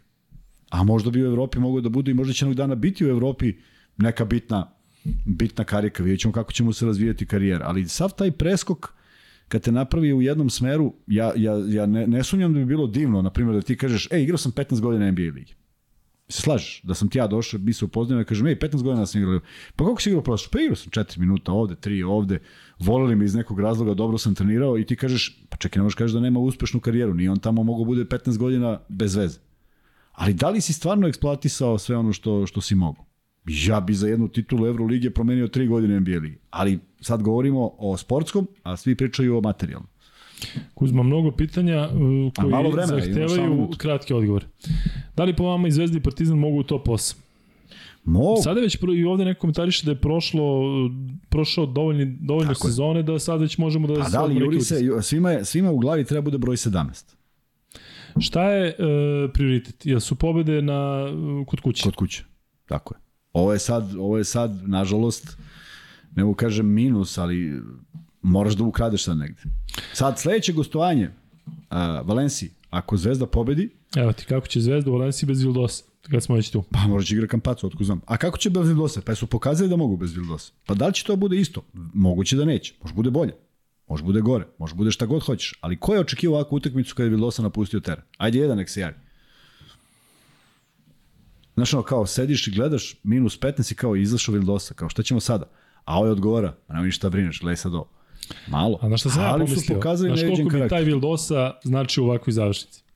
Ali ko zna kako bi bila, bila završnica. Nemoj ništa to, nije sporno, da, da, ne možemo ali da taj. Vildosa je falio mm, u trenucima kada, kada se lomila utakmica, zato Jest. što je on lomio neke utakmice na račun Zvezde, Jeste. na stranu Zvezde Evo, ranije. Filip nam piše i kaže očekuje 15 do 16 pobjeda. I ja očekujem 15 do 16, ali mislim da nije dovoljno. Ja očekujem više. Od Zvezde i Partizana. I od Zvezde i od Partizana. Pa ti znaš matematiku. Mm, slabo. Slabo, pa to vidim. Pa čekaj, Samo sad je vidjeti. 16, je li tako? Šta sad je? 16 utakmice, da. Koliko je još ostalo? Još 18. I koliko treba pobjede? Za Zvezda, za, za koliko? Za? Za 17. Pa da, do- pa da. Zvezda 9, Partizan 11. Nije 11. Zvezda, da, Partizan 9 od 10. 10, da. 10, od 18. Tako je. Ok. Ja ti verujem. Ti ne veruješ? Pa mnogo je teško. Pa kako nije teško, ali verujem. Šta da radim da ne verujem da kažem Pa ne i više. Ja mislim da je 17, š- svi da, svi da pevamo A koliko je bitno to što je ujednačena liga i što stvarno, stvarno, će, stvarno će na kraju, ja mislim da ćemo mi negde u aprilu zaista da imamo utakmice koje su biti i ne biti za Partizan i za Zvezdu. Ti vidiš svako veče da svako dobija svako. Vidiš? Da. Ne, Sve- da, sve zato i kažem, ali zato i kažem, zato će 17 biti vrlo bitan Tako broj. je. Pa svako dobija svakog, ali, ali, ali Kad se izgubi jedna ovakva, izgubi, isprazniš se. Sad Iz treba- tog ugla, tako zato ti dovodim do toga. Kad e, dakle, to da li je to. zato ova pobeda protiv Ma ova Barsa? pobeda je sa svih mogih aspekata, možeš budeš sutra sutra možeš budeš potpuno potpuno ono van van života i da izgubiš u Valenciji 50 razlike, ali si dobio ovu i opet si u plusu. I zbog toga Zvezda treba da uloži žalbu da se ne prizna To može Košmir. ulože žalbu koliko god hoće. Mislim da bi Na moju veliku tamo. žalost, ba kakvi. E, ali sad ovo kad sam rekao da pevaš, moram setim jedne potpuno sumanute anegdote. Ovaj, Zvezda je u pitanju, Ludvig je trener, Vlada Bošnjak je trener koji je i prevodilac. I nešto viče Ludvig, nešto treba se radi. E, otprilike defense, spustite se u odbranu i Zlatko Bolić kaže, dobro, bre, kaže, šta hoće ovaj, znaš. A Bošnjak kaže, pa majstore, kaže, nije ti rekao da rekao ti da se spustiš u stav, nije ti rekao da pevaš četničke pesme. I ostalo mi je to pevanje četničkih pesama, zamišljao sam uvek kako to izgleda. Šta je njemu prošlo kroz glavu. Nije ti rekao da pevaš četničke pesme, nego da igraš odbranu. Gde je sad Bošnjak? A, Bošnjak je negde daleko, ako nije sad trenutno u Beogradu, ali negde je nešto, neka egzotika. Liban neki, tako? Kamo sreće, mislim da je nešto neka Afrika. Videli smo se kad je bio, logično. Sasvim Jesam, logično smo se videli. E, još jednu stvar da kažem, desio se jedan Da, ima, bizaran... ima vremena za anegdote pored 246 Je, ima, pitanja. desio se jedan bizaran moment koji je stvarno bio ozbiljan u pioniru. Sreo si nekog? Nisam sreo nikoga. Radili smo odjavu i nismo menjali pozicije zato što su se smenjivali na konferenciji za štampu i odjednom nenormalna buka. I stvarno se pogledamo jer ne znamo odakle. Znaš ona zavesa što razdvaja? Dobro. odmotala se. Znaš ti uz kakav je tresak? Ona pala na mesto da je do malo pre bilo gomila ljudi. Znači, ko nije gledao u ono, ko nije gledao gore, ne bi mogao pobegne. A da ga je pogodilo? Pa Ne možeš da shvatiš, pa, pa je zdrobilo tamo nešto. To je tako tresnulo. Da je prosto nevjerojatno. Sva sreća, moglo je samo da... Je se čulo u prenosu? Ne, ne, ne, završilo se sva sreća, pa je otišli ljudi. Inače, do, tu su Ne, ne, sedeli. vi ste radili studiju. Da, da, da, mi radimo studiju. Jel se čulo dok da, vi pričate? Da, da. Vratite, što Kuzma kaže, možete da vratite, Vratite obavezno. da čujete. Ali sada, sada vratite. Gdje si napravio neku facu, ili mogu da te vidite kako si... Ne može zašto smo iza kamera. Nismo, nismo menjali mesta. Da. A znaš kakav tresak? I samo zamišljam, moglo Da, se odmotao u sve da. utakmice.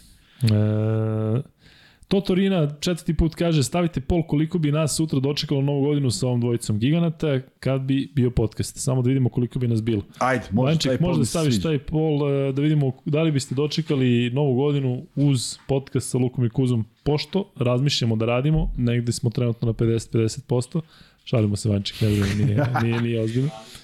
A? Da, da, vi radite, ti stavi ovaj krupni kadar i, i pegli. Pitanje za Kuzmu, da li on stvarno veruje da Lazić i dalje može da daje neki doprinos na terenu u ozbiljnim utakmicama kao što je bilo ovo u većini jačih utakmica bude među najgorima na terenu? Ama ljudi, evo ja ponovo ću da pričam. U kom, ka, Što pitate za Lazića pa kad što znate pitate odgovor? za kad znate odgovor? Nemojte više pitati za Lazića. Lazić nula poena i Zvezda pobedi i tu je kraj svih diskusija. A zamisli Lazić da šest pojena. Uje, bilo bi ono, svi gazila bi zvezda red. Pa on daje šest poena već unazad nekoliko utakmica. Šta je sa Raduljicom, Kuzma? Ništa. Šta mu je? Pa de. Ha? Pa je, jel smo jel negde, mislim ga vidio danas fizički? Bio. Jesam bio na utakmici, da. E, dobro. Šta je sa Raduljicom i šta će on u zvezdi? Ovo je malo, o, malo dublje pitanje. E, da je Lazić pravio faul, da li bi mu neko zamerio? Ne bi niko zamerio. Tako je. Niko ne bi zamerio, samo bi ga trener pitao jesi ti slušao šta sam ja rekao. I, veruj- mi ne ovaj bismo bi- to ni saznali. I Zvezda bi dobila utakmicu i nikad ne vidim Moguće, ništa. sve je moguće. A možda bi ovaj se džidno sa jedne noge i dobio tri faula i pogodio. Jest. Pusti sad E, tu komentar na sudijske odluke večeras u ključnim trenucima očigledno je kad ulaze igrači preko Slobodnog Markovića i gažnje linije, je realno da neko ne vidi i da ne želi Ne da vidi. vide, Pa ja i ne Kuzma vide. pričamo o sudijama stra, e, stalno zbog ovih situacija. Da Jest. sad ne moramo da pričamo o sudijama zato što smo sve rekli ranije. Dakle, Jest. vi znate koliko nas nervira to, dakle, Kuzma dok radi taj prenos, ja da komentarišem utakmice, dakle, to je zaista teško suzdržati se da u prenosu kao komentator profesionalno ne kažete nešto što svi znamo, dakle, što svi vidimo. Vidite da čovjek napravi grešku, pa u nekim situacijama ode da pogleda snimak, pa i dalje pravi grešku. I ne znate onda šta da mislite i šta da kažete. Tako da taj problem postoji. Neko je, s nekim sam pričao, ima već vremena, možda neko sa posla, kako je generalno kriza u suđenju svuda. Ne znam s čime to da, da, da, da, kako da objasnimo to. Dakle, ti u NBA ligi isto imaš kriminalno suđenje. Fibini, Fibina velika takmičenja i generalno tamo da su Fibine sudije A sve su važni. Euroliga i A sve važni. Sve bitni deo utakmice. Ali Euroliga i Evrokup su ranije ipak važili kao mesto Jesu. gde su najbolje sudije, yes. ono, najbolje sudije Euroligi. Jesu. Šta se sad dešava? Ne znam. Ne znam, nemam odgovor. Kažem, evo, juče smo se šali da, da treba da ih bude još bar dvojica. Možda Da. da. bi dvojica videla ovu liniju. Možda treba kao u tenisu, znaš oni što stoje stalno i gledaju liniju. Možda i to treba, što obzirom da ima challenge, što da nema još dvojica sa strane. Sve može, ali s- čitavu tu tehnologiju si doneo da ne bi imao da bi imao utakmicu u kojoj se ovako nešto desi. E, komentar na Nedovićeve trojke, bukvalno nijedna nije bila otvoreni šut, Tako već je, sve neko bilo, silovanje, jest, naroče jest. one posle onog gažnje linije. Jest, jest, jest, Da, ali što je Isto. najgore, on zna to da, da pogodi, tako da... Pa najgore, meni je, meni je mnogo draže što on imao 24 poena i na primjer jedno 8 ili 6 ili 7 nekih fantastičnih ulaza, tako? S Yes. obzirom da su ostalo sloma bacanja. Tako da mislim da je... Jel bi posavjetovao Nedovića da manje šutire više ide na ulaz, još više, odnosno on sada ide na ulaz više, Ne, odnosno na prodor rekao- nego ranije. Rekao, da, nego ranije, tako je. Ali, jel trebaš više? Ne treba još više. Dakle, 0 od 6, pa dok nek... Dobro. Ne, ne, Govorim ne, za trojku, ne, govorim ne, da žrtvuje trojku i da ide na ulaz po svaku cenu. ne, tu sad, tu sad, tu sad imaš jednu, jednu ovaj, drugačiju stvar. Tu da imaš u, tom, u nekim momentima kad je on šutno trojku, ako Dobrić nije na parketu, najbolje da Nedović šutne trojku. Ali da je tu Vildosa i kad bude Kampaco, onda ćeš imati mnogo veći izbor sa tim prodorom da nađeš tu neku trojku pa da zabeležiš asistenciju. Ne moraš nužno ti da je šutneš. Tako da, što više dobrih šutera na, na terenu, bit će nekako lakše. Jel postoji način da Mitrović popravi bacanje? Pa, ono jedno je promašio, tako? Jeste, ali generalno A njegova tehnika šuta je mehaniku, takva jeste, ima da... nešto se tu desilo, nešto se poremetio, ne znam, ne znam. Pričate Nema malo, šta da i, menja, nema on 12 godina pa da sad tu kao... pričate malo i o drugim ekipama Euroligi. Hoćemo, kada završimo sada sa ovim vašim pitanjima. Um, ali eto, da se vratim, Kuzma, mene zanima.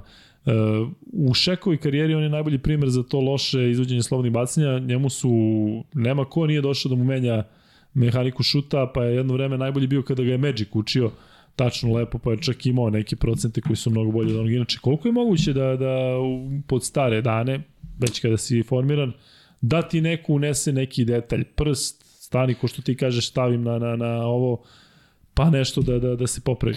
Mislim da, mislim da je tu pod stare dane bitna psiha. Da ti staneš na liniju uslovnih bacanja i kažeš nema šanse da promašim. sam Kako se sebe to ubiješ. rešava? Pa jaka glava.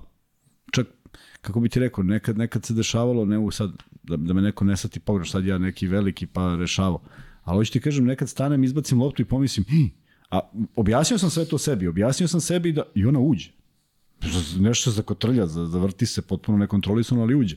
Tako da nekada je možda to i jače nego, nego sama mehanika. A e, Mitrović seče, seče tu taj, taj potez. On je nategne, pa onda ima neki još dodatni, vrlo, vrlo, vrlo čudno. Međutim, 3 od 4 je pogodio, nije pogodio jednu od 4, što je vrlo bitno. Zato je Zvezda i bila u egalu. Jesi imao problem, ne ti, nego generalno tvoja generacija košakaša um, sa tim odlaskom kod ljudi koji mogu da pomogne s terapijama, ti što glavno, nije psiholog, postojalo. To nije jeste. postojalo. Koga, koga si mogu da daš? ali kad bi otišao neko iz ekipa, ali biste vi rekli ludak. pravi budalo. Da. Što kao danas se promenilo. Pa jest, Ma gde se promenilo? pa viš da Trun, Trunić pričao ovde o On tome priča da kako postoje i da neki idu, ali ne, ne i idu. da klubovi rade na tome da Tako je. I ne, ja, ne pričaju javno. ne priče, da. Pa to kažem, jer kad bi znali, onda bi mi rekli ovo isto.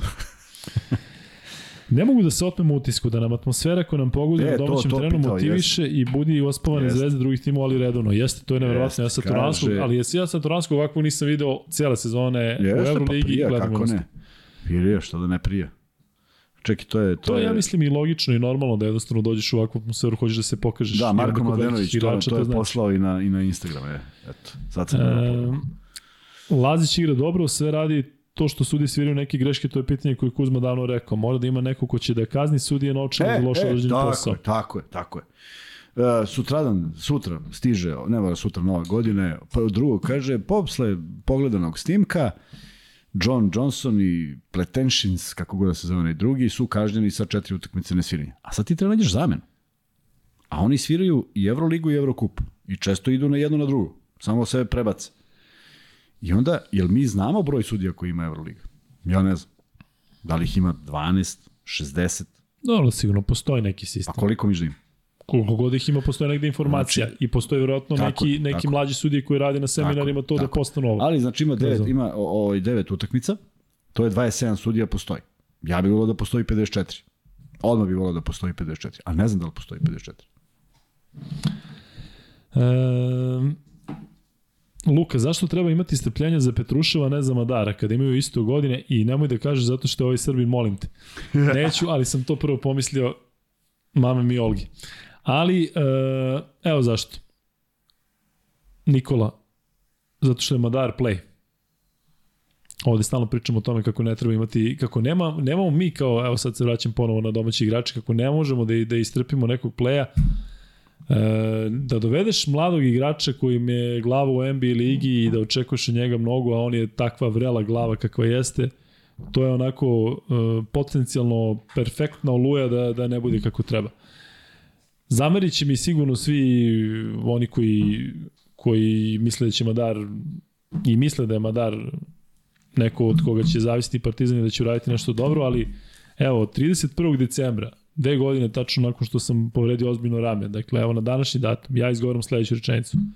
Vrela glava Jama Madara, pazite šta vam kažem, će skupo koštati Partizan u mečima odluke. Daleko smo bilo kakvih mečeva odluke, ali tako? Tek smo u decembru, ima da se igra. Sve do sada što se radi može da se ispravi.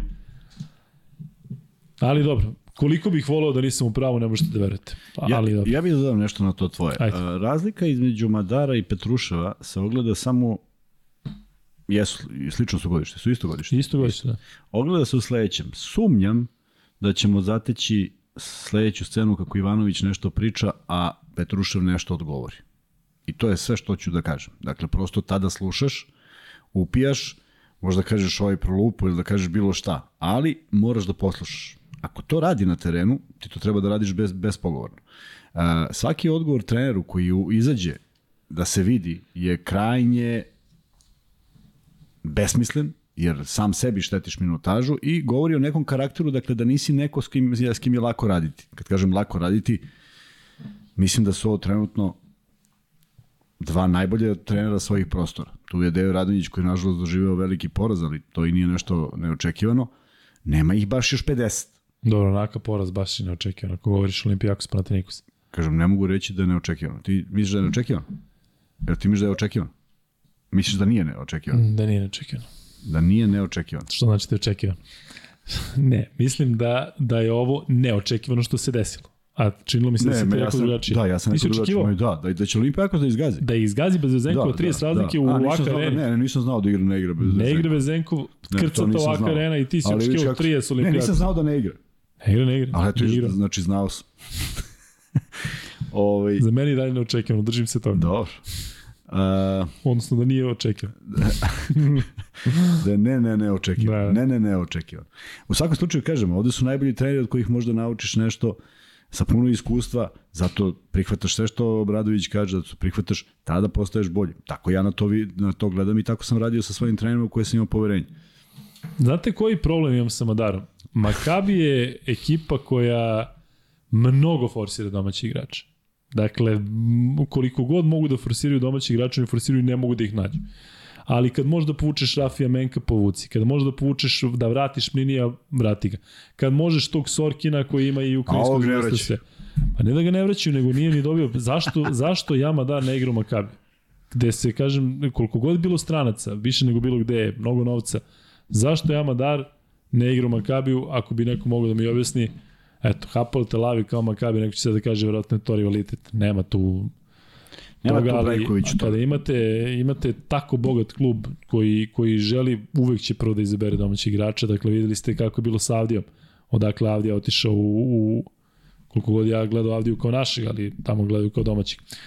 Luka, koja je logika da NBA odluči da se plaća maks 800.000 dolara obeštećenje za igrača od Evrope? Pa klubovi iz Evrope kad ne mogu protiv, ne mogu protiv NBA lige, teraju igrače da potpiše klauzule. Da, ima tu mnogo slažem se da ima mnogo nekih e, stupidnih stvari, ali me brine, moram priznati, to što najbolji igrači iz Evrope, ne računam Luku Dončića i te koji se rađaju jednom u 100 godina, pošto znamo šta rade tamo i Jokić i Dončić i Janis, pričat ćemo malo i o tome kasnije, ali me brine to što najbolje odu u NBA ligu i ne mogu ništa da urade. Eto vam primer Kampaca, eto vam primer Vildosa, eto vam primer uh, tog Dorsija koji je bio toliko dominantan, a tamo ne mogu da pronađu mesto u 12. Šta je to Kuzma? To razlika u kvalitetu ili razlika u sistemu? Ne znam, razlika u sistemu. Razlika u sistemu, evo i Howard. Najbolji primer. Da. Da, kako, kako sad to nešto, kako je to moguće? Tako Taj da, Micić ni, koji, koji da, neće da, da, da mu da šansu. Da, nekomu, ne, njemu u startu kažu mi imamo neki drugi plan. Ali kad se pojaviš tamo i to ne prođe, bude potpuno nejasno.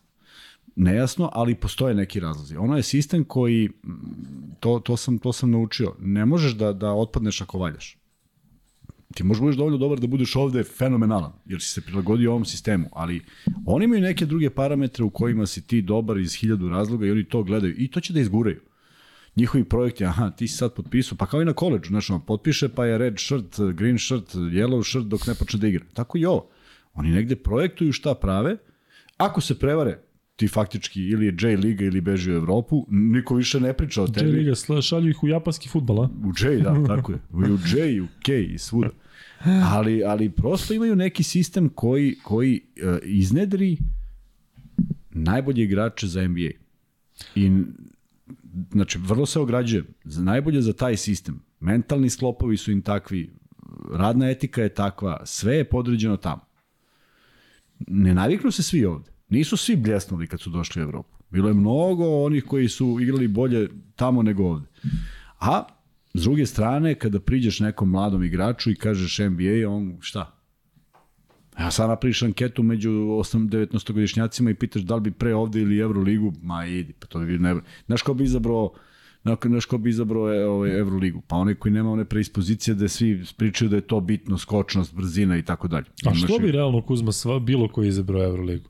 Kada ti odeš u NBA ligu, uzmeš lovu, Pa znači, igraš opušteno. Ne, ti misliš da ćeš proći, ali ne prođeš. Dobro, dobro, ali generalno govorim sada o sistemu da, da tamo imaš uh, veću lovu. Pa zato što majkom... Imaš potpunu zaštitu, ne kasni ti plata, ne dere se trener pa, na tebe, znam, ne, ne psuje ti pa, majku, znam, ali, ali mi ja, ne gađaju ti u poljačima. Sve stoji, ali ja na primjer ne bih nikad gledao onda Bodirogu, tako, da je on imao tu logiku. I nikad ne bih uživao u tome što je radio. Ne ja, mi svi. Ne slažem se, ali ostaje opet ne, ali žal svi, kako bi se provio Vikali tamo. na njega, gađali ga, pljuvali, napadali, tukli se, svašta je Bodiroga radio.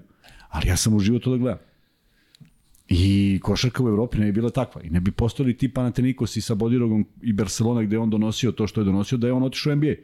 A tamo, 15 godina ladovine, malo uđe, opali, malo nešto, mogli da ga vole i mogli da ga drže. I da ga drže 15 godina. Šta je uradio? Ništa. On je hteo da bude takmičar u onome što najbolje radi. Vidio je da nema te preispozicije koje su potrebne za NBA i vidio da mu taj... Ja mislim da je to ključno. Upravo to, ali polako me se deca i kažu, ja sam brz skočan i sve sam kao i onaj tamo.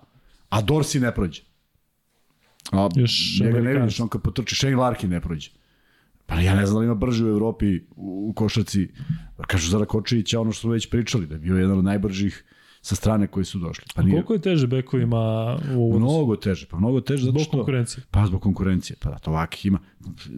Ti veruješ da kada je Jerome James došao u budućnost, smo ih shvatili da postoje samo dva afroamerikanca 2.16. Samo dva. Ovi ostali su Afrikanci, afroamerikanci. Ikada? Jerome James i, i Shaquille O'Neal. Sve ostalo su Afrikanci koji su došli, Manute Bol i ekipa. Nisu, Olaju John, nije rođen u Americi. Nick Isto je došao. Pa da. Ewing. Pa da. Ewing. Manje više. Hoćeš ti kažem, 2.16 je kraj. I to onda jedna rupa. Pa Olaj John imao 2.6. Nije on bio neka visina. Prosto su niske. E sad zamisli šta se nalazi ispod 2 metra. Oni koji jedu malu decu, u suštini kad ih vidiš prosto, prosto su brzi, skočni i ti sad ideš u, u klinč sa njima. I pomisliš što je lakše. Kako je lakše? Kako može da bude lakše? Pritom njemu je to život i smrt. Ti si ušuška negde, neko je živao bolje, neko lošije. Njemu je to, ne, neće se vratiti u geto nego hoće da, da, da te pobedi. Koje ti šanse imaš u 1 na 1 ako, ako, ako je samo konkurencija da, da, da se dokažeš? Pa znaš koliko je teško. Tako da mi je žao što preskaču, ali ajde, valjda će biti neke... Ja mislim da postoji još nešto od sporta koji bi trebalo da zanima ljude. Ako ne postoji...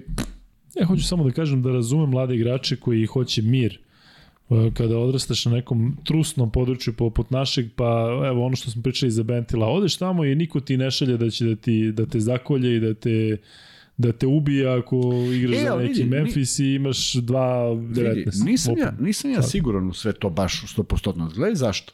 Zašto je svet globalno, znaš, otišao u bestraga. Nema, nema sad kao mi smo loši ovde, a oni su tamo dobri. To više ne postoji. Samo drugačije shvatanje Ok. sporta kao... Ok, ali da li si imao prilike da vidiš e, neka, neki ovaj show u kojem poznati čitaju tweetove o sebi? Ja sam to Jimmy Kimmel, dobro. Ozbiljan skandal. Šta su ljudi u stanju da kažu tim nekim zvezdama? Jeste, da. Tako? Tako ne, pa dobro, kad imaš 10 miliona pratilaca, naravno da imaš i nekoga Sve ko stoji, će ali da ti... hoću da postoje, to kažem, postoje, pa. Jeste. postoje.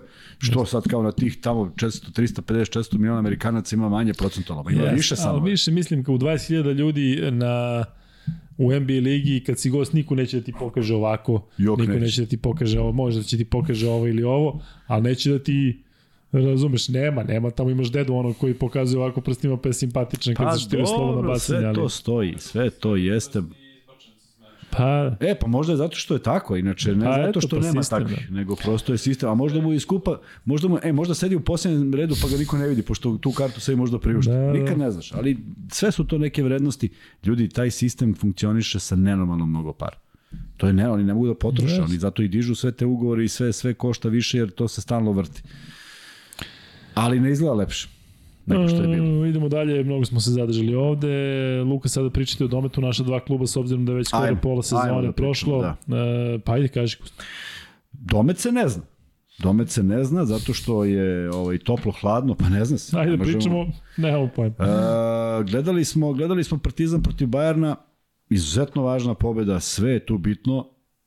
Moram da budem pokušat ću da budem objektivan da me neko ne shvati, meni je utakmica bila mnogo bolja.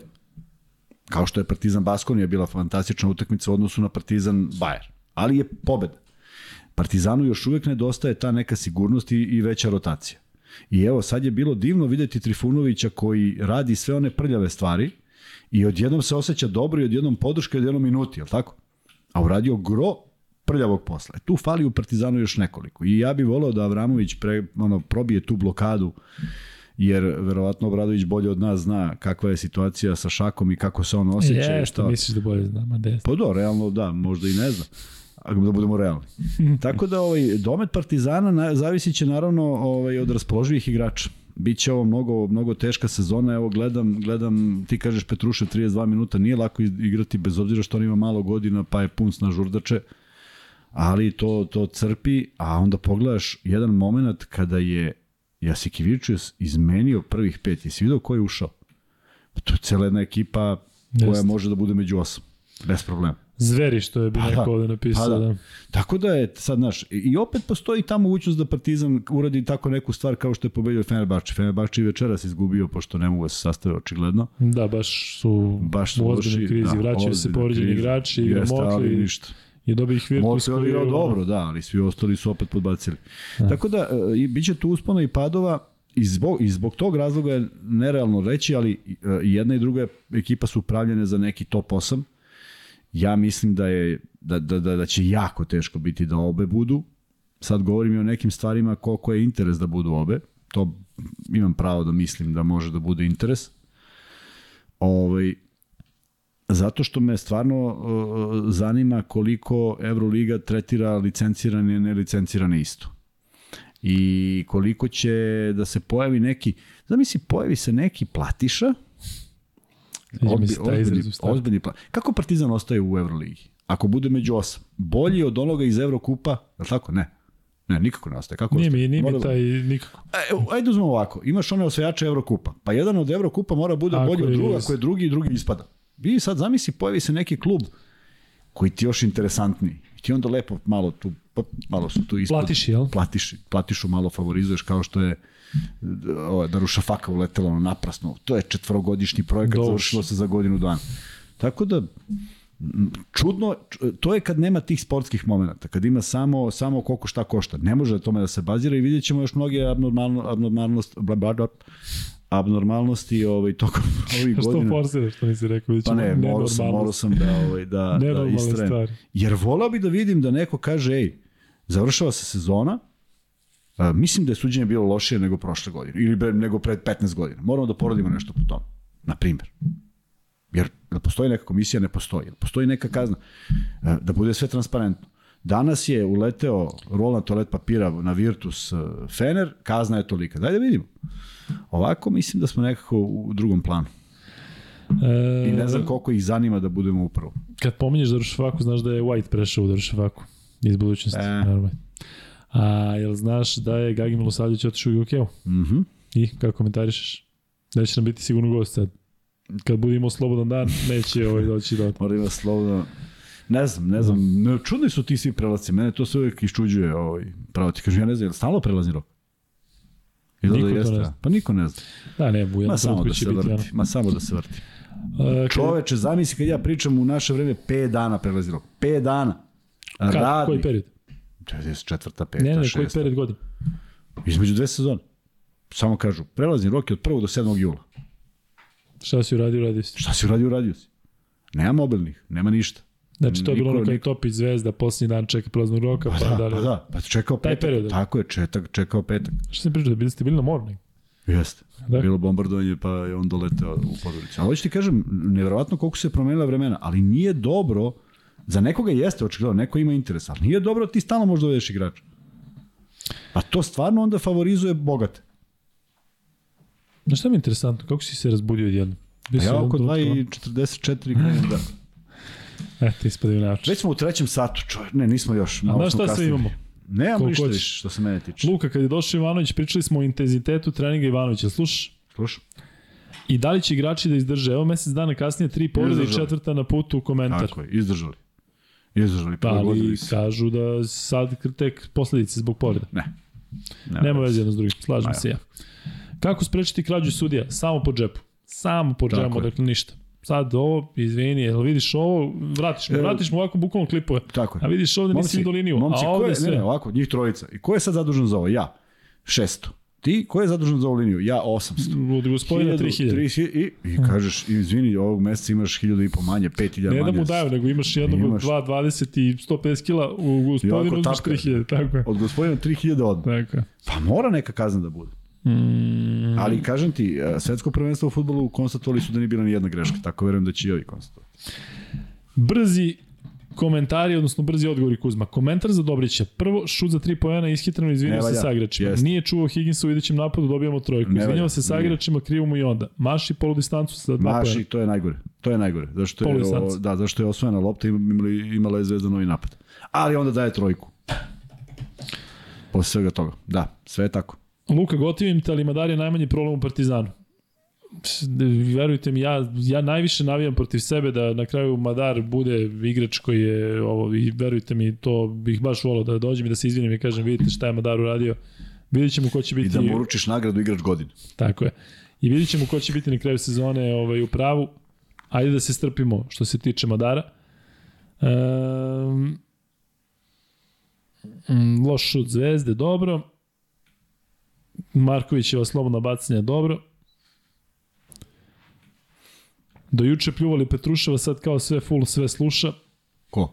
A ne znam da za nas ili za neko Verovatno drugo. nije, pa dobro. Ma nije, nego generalno. Ali vidite kako se sve menja, vidite koliko smo Pa nema generalno... strpljenja, pa tako je. Ne, ne, ne, nego vidite, seća se za Nedović koja je bila priča. Ma, sećam se Nedović je najveća prevara. Pa šta, koga smo još imali? Viš kako je za Pantera bilo da je Bog, pa onda Kanal, pa Petrušev Pa isto došao dana. kao, pa da, tako da, a koliko je tek bilo Zvezda i Partizan, Zvezda, počela sezonu katastrofa. Samo malo strpljenja, jer mora se Jest. podvuče crta u nekom momentu. Naprimjer, sad, sad kad pogledaš oliko koliko je prošlo, tu mora se podvuče crta za neke stvari. Uh, Bentil, uh, Holland, zašto su oni prvi na udaru, znaš? Prosto mora se podvuku neke... Ima ovde dobrih fora. Ajmo svi like, kaže Vukašin Garović. E, Hvala ti Vukašine što radiš naš posao, pozivaš na lajkove. E, Kuzmo, koliko imamo do 13.000? Da vidimo da probamo da se približimo. A evo sad ću da im. Kaže, kaže ovaj, jedan naš pratilac, pod, sad ne znam šta je SI skraćenica, na temu onog što je nešto palo u pozadini, čula se tvoja reakcija u prenosu, gde mi je glavanja? Gde je ovaj moj glavanja? E, da, pitao te neko za glavanje. Ko, Ja gledam šta je mislio nešto, kolje je bio na nešto utakmici i nema mi ga u vidokrugu. I to pada, ja se okrećem, oni za mene. Pitaju ovde, pitaju. E, ja to je glavanja, ja, ja moj, moj sin, da. E, pitaju mene za Džabarija Parkera koji dolazi u Evropu. Ja, koliko sam je njega gotivio i sve kada je došao u ligu i one prve dve sezone, ali povrede, povrede, povrede, nije pouzdano uzeti igrača koji koji ne znate ni u kakvoj formi, dakle tužna, tužna priča. Ja, ti neće ne pročitaš kad tako nešto glavanja, pa da Pa se... ne, nego ne znam da li te neko proziva nešto kao Kuzma, daj ti glavanja, šta je sad ovo? Ja kažem, djelo je moj glavanja, a on stoji za mene, skupio one papiriće. I znaš što je uradio na kraju? Skupio ih je ton. I, I? Otišao gore i bacio. Bentil ima facu kod drvoseča. Potpuno se pogubio u velikom meču, molim za komentar Luke i Kuzme. Pa ako treba da komentarisamo da li ima facu kod drvoseča, Nećemo, to ne radimo nikad. ne, mislim da, da se pogubio u velikom meču, to mislim. pogubio se, jeste. Šta da radi? Meni ga iskreno žao, zato što on zaista deluje kao dobar tip. Ovaj, zaista deluje kao super, vidio sam da ima fantastičan odnos sa saigračima, ali da neki problem postoji, postoji. Tako da, eto, šta da se radi, mora da se istrpi, jednostavno to se podrazumeva kada imate takve igrače, toliko igrača da ne mogu svi da budu, da budu pun pogodak. E, sećam se kad je Luka rekao da će Balša da pokida ovu sezonu. Pa šta se povredio, šta radimo? Možda bi pokidu. Hm, pa šta, je- da. Ko je rekao? Ti si rekao. Da, pa rekao sam da. A što da nisi? Kako da se da će nadam i da povredi? očekujem, da. Kuzma, povećanje challenge na bar po jedan po polovremenu. Ma ne, ukinuti to, kakav Kuzma challenge. počeo da muca. Pa ne, majke, pa evo challenge, ja od sudije, odmah staviš Ali, i sede. kažem Vidi, ti, ovako, dve, dve stolice i dve stolice ovako sede. Ha! Zamisli. I, I sad on vikne ovako, i ti znaš da je ovaj nagazi. Šta fali još dvojica? Četvorica. Linijskog sudija u Linijskog sudiju, pa ima challenge. Hokaj, ima sve. Sve liči na tenis. Mm, Da. Si ti pio neki, ili imaš tu ultru ili šta? Nemam ti kako vreme prolazi ti sve više, Više, mogu da ništa. A Vanček ustao, ne može da sedi. Ljudi, e, izvinite što ne možemo više da e, se bavimo ovim pitanjima. Si ti pitao neki free bet? Jesam jedan. E, samo da kažem za free beto je da se sad, pošto je sutra nova godina, nećemo baš možda moći da ih dobijemo. E da, ja sam rekao na ljudi- da će biti sutra, dakle, da samo ljudi malo budite strpljivi. sačekaju, tako je. Znate da to Neće sve ide biti po, tamo u petak, nego će biti ranije, ali samo da ne forsiramo. I opomenite nas na Instagramu ko nije dobio poklon sa stotog podcasta. Molim vas, ima vas još dvoje, troje, ja i Kuzma ne znamo gde bijemo. E, ali, dakle, ali, ej, pa da, nisam objavio, pa stigo je dres uh, Vuku Grbiću. O, pa ba to. E, da znaš. Posle toliko muka i Jest. borbe. Posle ću da objavim za Vuka. Sutra ću da objavim za Vuka. Poslam je sliku. Tako da ovo je bilo uzbudljivo kolo, tu su, tu su gde su ovaj, a, a, Vidite da li je čista roba. čisto.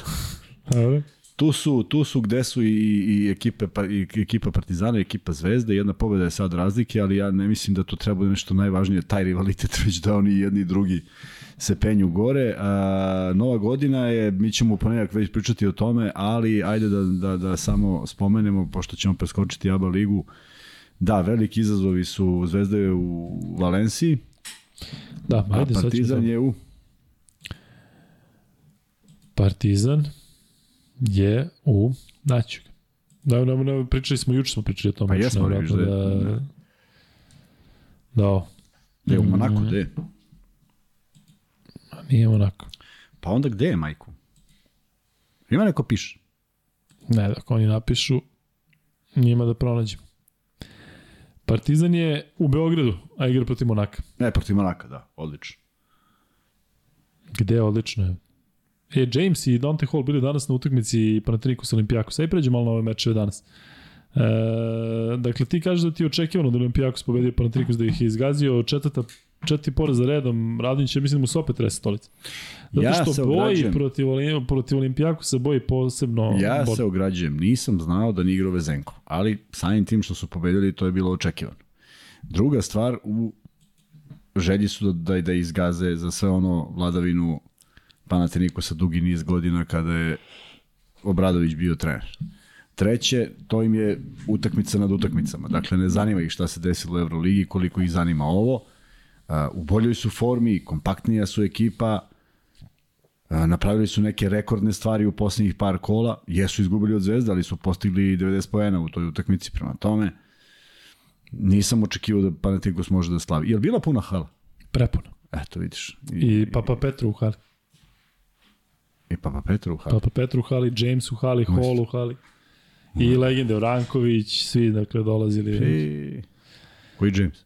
Mike, on je bivši igrač Panathinaikosa. Dobro, to je čovjek iz Monaka. Sad vjerojatno sledeće, odatle ide za Beograd. A, Um, Asvel Alba 79-91, taj Asvel, dakle on igra u tako, ja mislim da nema ekipe koja igra više gore dole, da. Da. dakle dobiju Barsu, Amo, pa Partizan, videli Da, ste da, kako, da. i onda dođe Alba i daje im u drugoj četvrtini 32 poena, u trećoj 26 poena da i prelome utakmicu odošli ljudi na 20 razlike. Prosto sam ovaj, malo. Ali sve je moguće u ovoj NBA, u NBA ligi, u Euroligi koja je izjednačena, dakle ne iznenađuje me više takve stvari me ne iznenađuju, posebno e, od Albe se očekivalo da će u nekom trenutku neko da pobedi. Imali su 3-0 pa ne su može, da, ne može, koliko 12? 11, 11, A, da. 12 poroda, ne može baš da traje večno. Virtus Fenerbahče Kuzma 92-88, Da, dve ekipe gledao koje sam, dve, prilično posreću. Jest, jeste. I sa, iz jednog je gala 76-76, bam, bam, bum, glupe, glupe neke odluke u napadu 86-76, pa onda opet došlo na dva razlike. Prosto E, neverovatno kako to ide gore dole, ali malo igrača u nekoj lepoj, u, u igri da kažeš u kako lepo igra. I onda ovaj, nekako je sve neka muka. Ovaj mo, Motli, kako zove? Jonathan Motley, da, On 26 opasno pa 8 igra, On skokova. stvarno opasno igra. Da, to je onaj, sećaš se što je trebalo da šutne za tri pa išao na zakucavanje. Protiv Barcelona. Kad je bilo dve sekunde u kraju, on na trojici sam, treba trojka za produžetak, on... I radilo se, nema veze. a, Lepo, je za- lepo zakucu. Uf, Pa eto, evo, priča se, viš da pričamo. tome. drhtim. Pitanje je da li pričaju o toj trojici. E, koliko smo imali free betova? Pa jedan si rekao. Kukulele. Daj zovi Nikolu Beljkeša da postavi neko. Evo, svi spavaju čoveče. Kuzma, Split, Crvena zvezda, e, 2. januara od sad ne piše ovde koliko sati, nije ni bitno. Treba Zvezdi, tu utakmicu odraditi pošteno, momci koji nisu igrali da igraju, Iliću šansa, Bentil malo da odmori, Holandu ponovo prilika da nešto odigra, ne bi li malo odmorio uh, da se odmori Nedović i Dobrić, mislim da je izuzetna prilika da se da se zaista potroše na tim utakmicama momci koji nisu igrali da triumfuju. Dolazi ta utakmica protiv Valencije, ovakav pristup, ovakva nadoveži želja, se samo, da. ovakav pristup, ovakva želja daju ti za pravo da veruješ da mogu do pobede ako bi napravili prvu, prvu pobedu koju Zvezda napravi i napravi taj neki break u, u gostima, to je povratak u, u neku normalu i ova utakmica se više ne pamti na ovaj način, sve do tog momenta negde stoji. Ako bi to bila Valencija, idealno, zato što je to onda još, još jedan korak ka nekom tamo zamišljenom mestu. Uh, što se Partizana tiče, on igra protiv koga u ABA ligi? Sad ćemo da nađemo.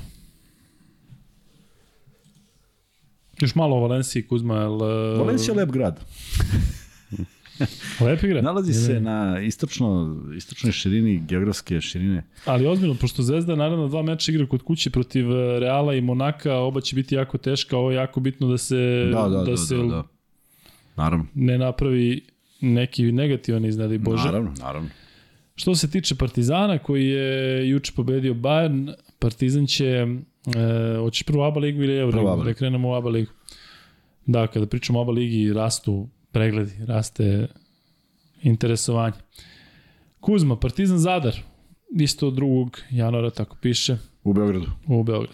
Dobro, to je, to je, ne moraju, ne moraju da putuju, ali dolazi jedna ekipa koja je već slavila u Beogradu, treba biti oprezan. Luka Božić je produžio ugovor, iako ne zavisi sve baš samo od njega, ali Si ga sreo pa ti rekao. da, jeste, evo sam ga ugradio, kaže, gde si Luka? On kaže, ja nešto potpisujem ugovore. I onda vas neko sretni kaže, vidi ih Luka i Kuzma. Tako je. Partizan Monako.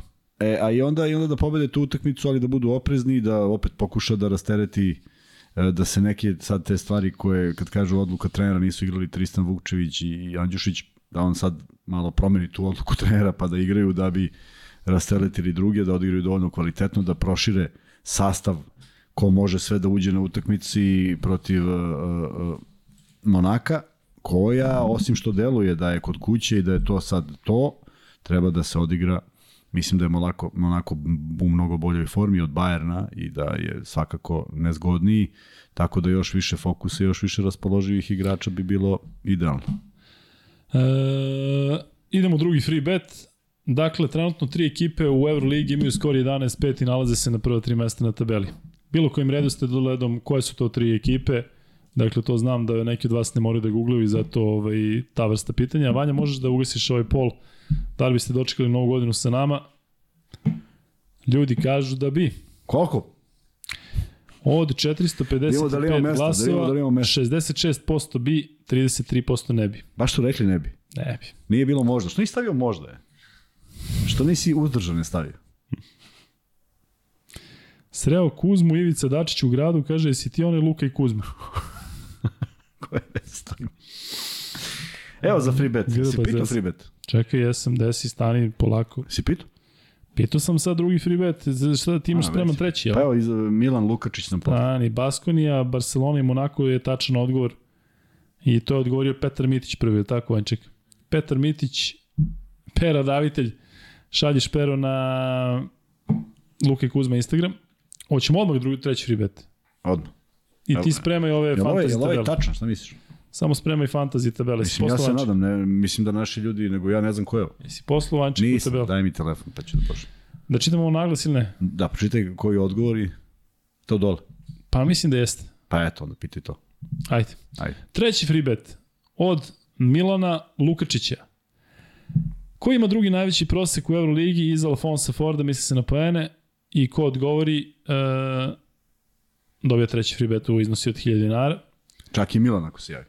Da, to je dobra fora, on stavi burazar ili tako pred sebe Dragane, i sad ovaj sad kaže treći pritisni. free bet. Da.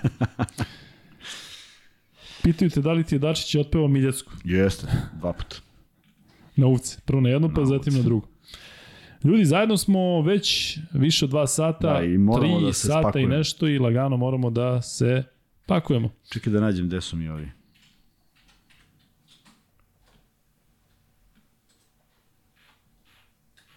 Znaš kada ćemo da dobijemo odgovor na ovo pitanje? Wilbekin, Clyburn, James, uh, Pante, O. Rakočević, Larkin, Spanulis, Papalukas, Znači, ne znaju. Vezenkov, ne znaju. E, Rakočević, Rakočević, Bacon. Govorimo generalno, dakle, reći o bivšem igraču da pomogne vama koji, koji eventualno niste još ko u mađe neko stavio. E, nije, nije, sve to što ciljate nije u pitanju jedan Evo ga Laufer, Laufer je vjerojatno 57 godina, neće odgovoriti. Vanje, poslao sam ti ovaj slike. Pa ih okači i taman time da završi. Izgleda da nećemo, da će ovo biti prvi free bet Ako da nema free beta, šta da radimo? Ne možemo mi ništa tu da uradimo. Pravila su pravila. Pravila su jasna. Šta sad, da ne odgovore i ukidamo treći Može sledeći nelje, sle, u ponedljak ko odgovori. Kakva na su pravila jasna kad ih mi određujemo Pa ovde na naravno, licu pa zato ti kažem. Da ovaj odgovor mi se sviđa, Baba Kurana, to je stvarno dobar odgovor. Jednako tačan kao i svi ovi ostali. Ništa od ovoga nije. Ponomožemo još jednom. Dakle, nije reč o aktualnom igraču, igra je prilično davno, ima vrlo interesantno ime i prezime. Mogu da im pomožem pa da ono. Možeš. I inicijali su KK. Kao KK Partizan, KK Crvena zvezda. Dakle, inicijali ovoga su KK. Sigurno, sad si im pomogao ozbiljno. Jeste, evo, Kambala, Dimitrije Dojčinović. Dimitrije, imaš brzi internet, svaka ti čast. Šalješ MaxBet ID na Luka i Kuzma Instagram. Hvala Milane za ovaj free bet. Um, hvala Milane. Kuzma, daj te tabele pa da jedemo ovu tortu. Pa da bežimo. Tako je. Čekaj samo da nađem. Pa poslao sam, nema šta da dam. Ima li Vanček to fantazija? Evo ga. Evo ga! Admiral Aba Liga. Admiral Bet. Drdlovani, 20, 2130, Skoke nosilje, već poznat Iron Wolf, Babusaurus i Imparmature, Mufloni, Polimka, šampioni, Gedžo, mislim da se Gedžo ubacio. Vozli, sve ovo ostalo mi je poznato, sad već mogu da ti kažem. Iron Wolf prvi i u ovoj nedelji, ukupno na trećem mestu, Drdlovani drugi, ili Drdlovani, ili već nešto treće.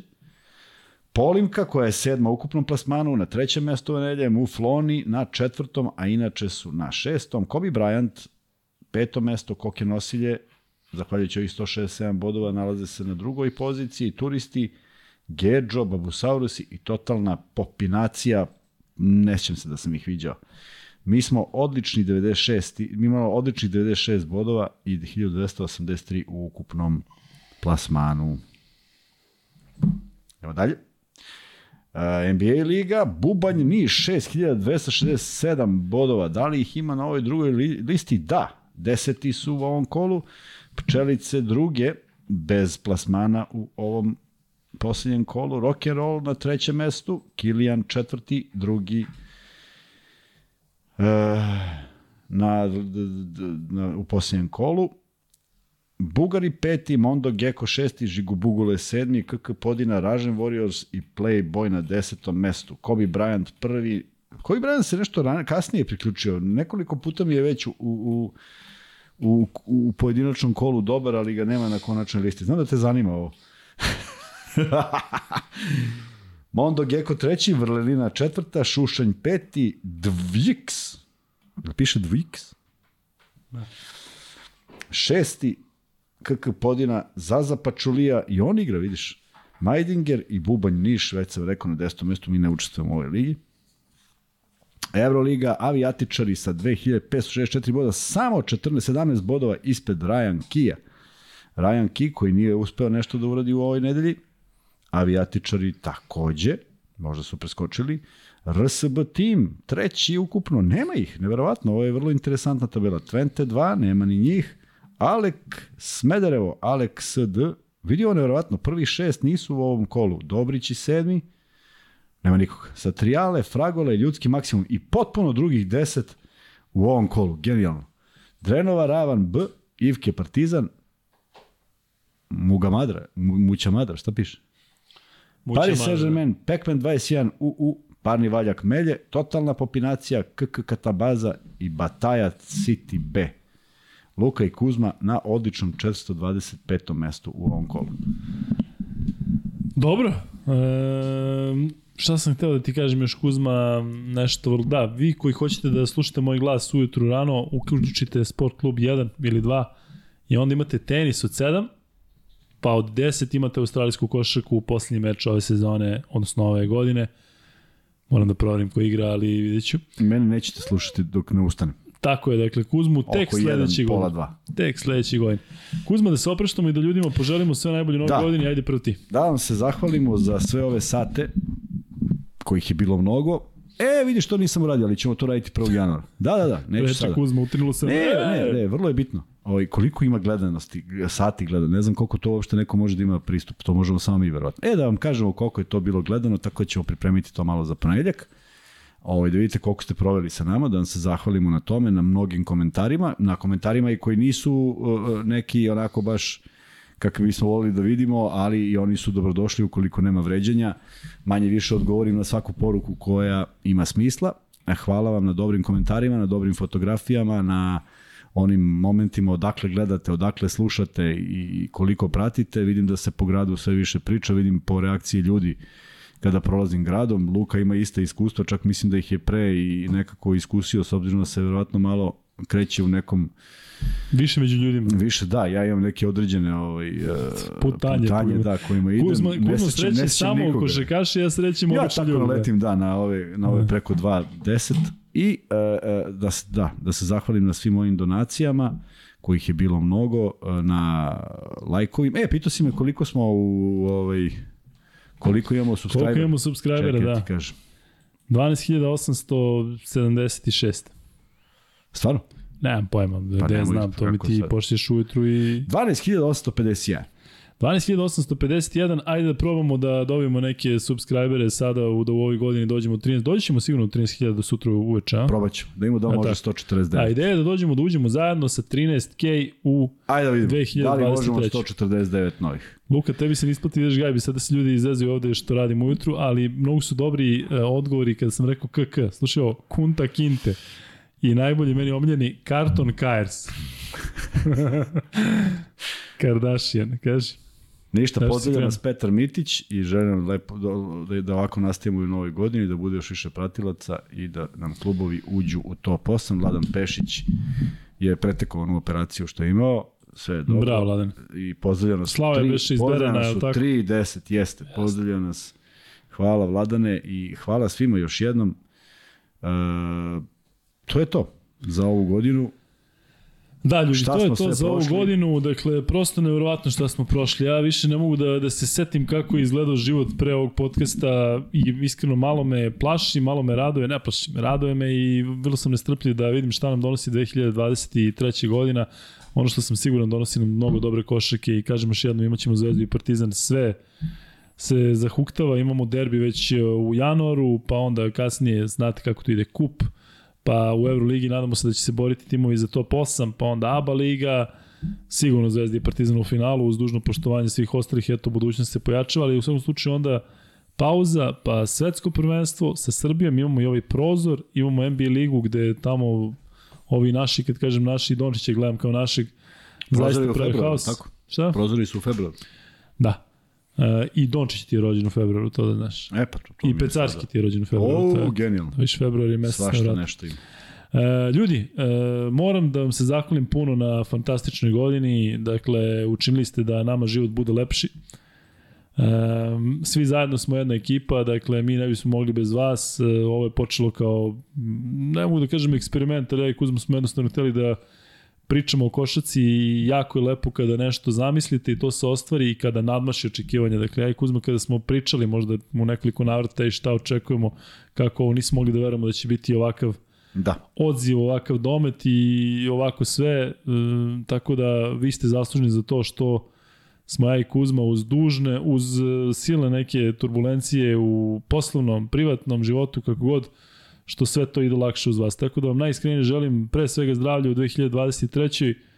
i želim vam da, da sve što želim i sebi. Dakle, ništa drugo i nadam se da ćemo se družiti u još većem broju, ne zato što to nama potencijalno donosi neke prednosti, već zato što mislim da je zaista divna, divna priča i da smo jedini koji su uspeli koliko toliko da pomire i zvezdaši i partizanovce, ovde smo svi zato što volimo sport, zato što volimo košarku i zaista sa vama uživamo, nema razloga da tako ne bude i naredne godine. Toliko što se tiče ove 114. Dakle, u ponedljak idemo u redovnu terminu u 21 čas, u 2023. prvi, prvi podcast e, i ono što je jako bitno da naglasim, dakle MaxBet će biti sa nama i cele sledeće godine, tako da MaxBet, mi i vi, Dovoljno. dobra ekipa.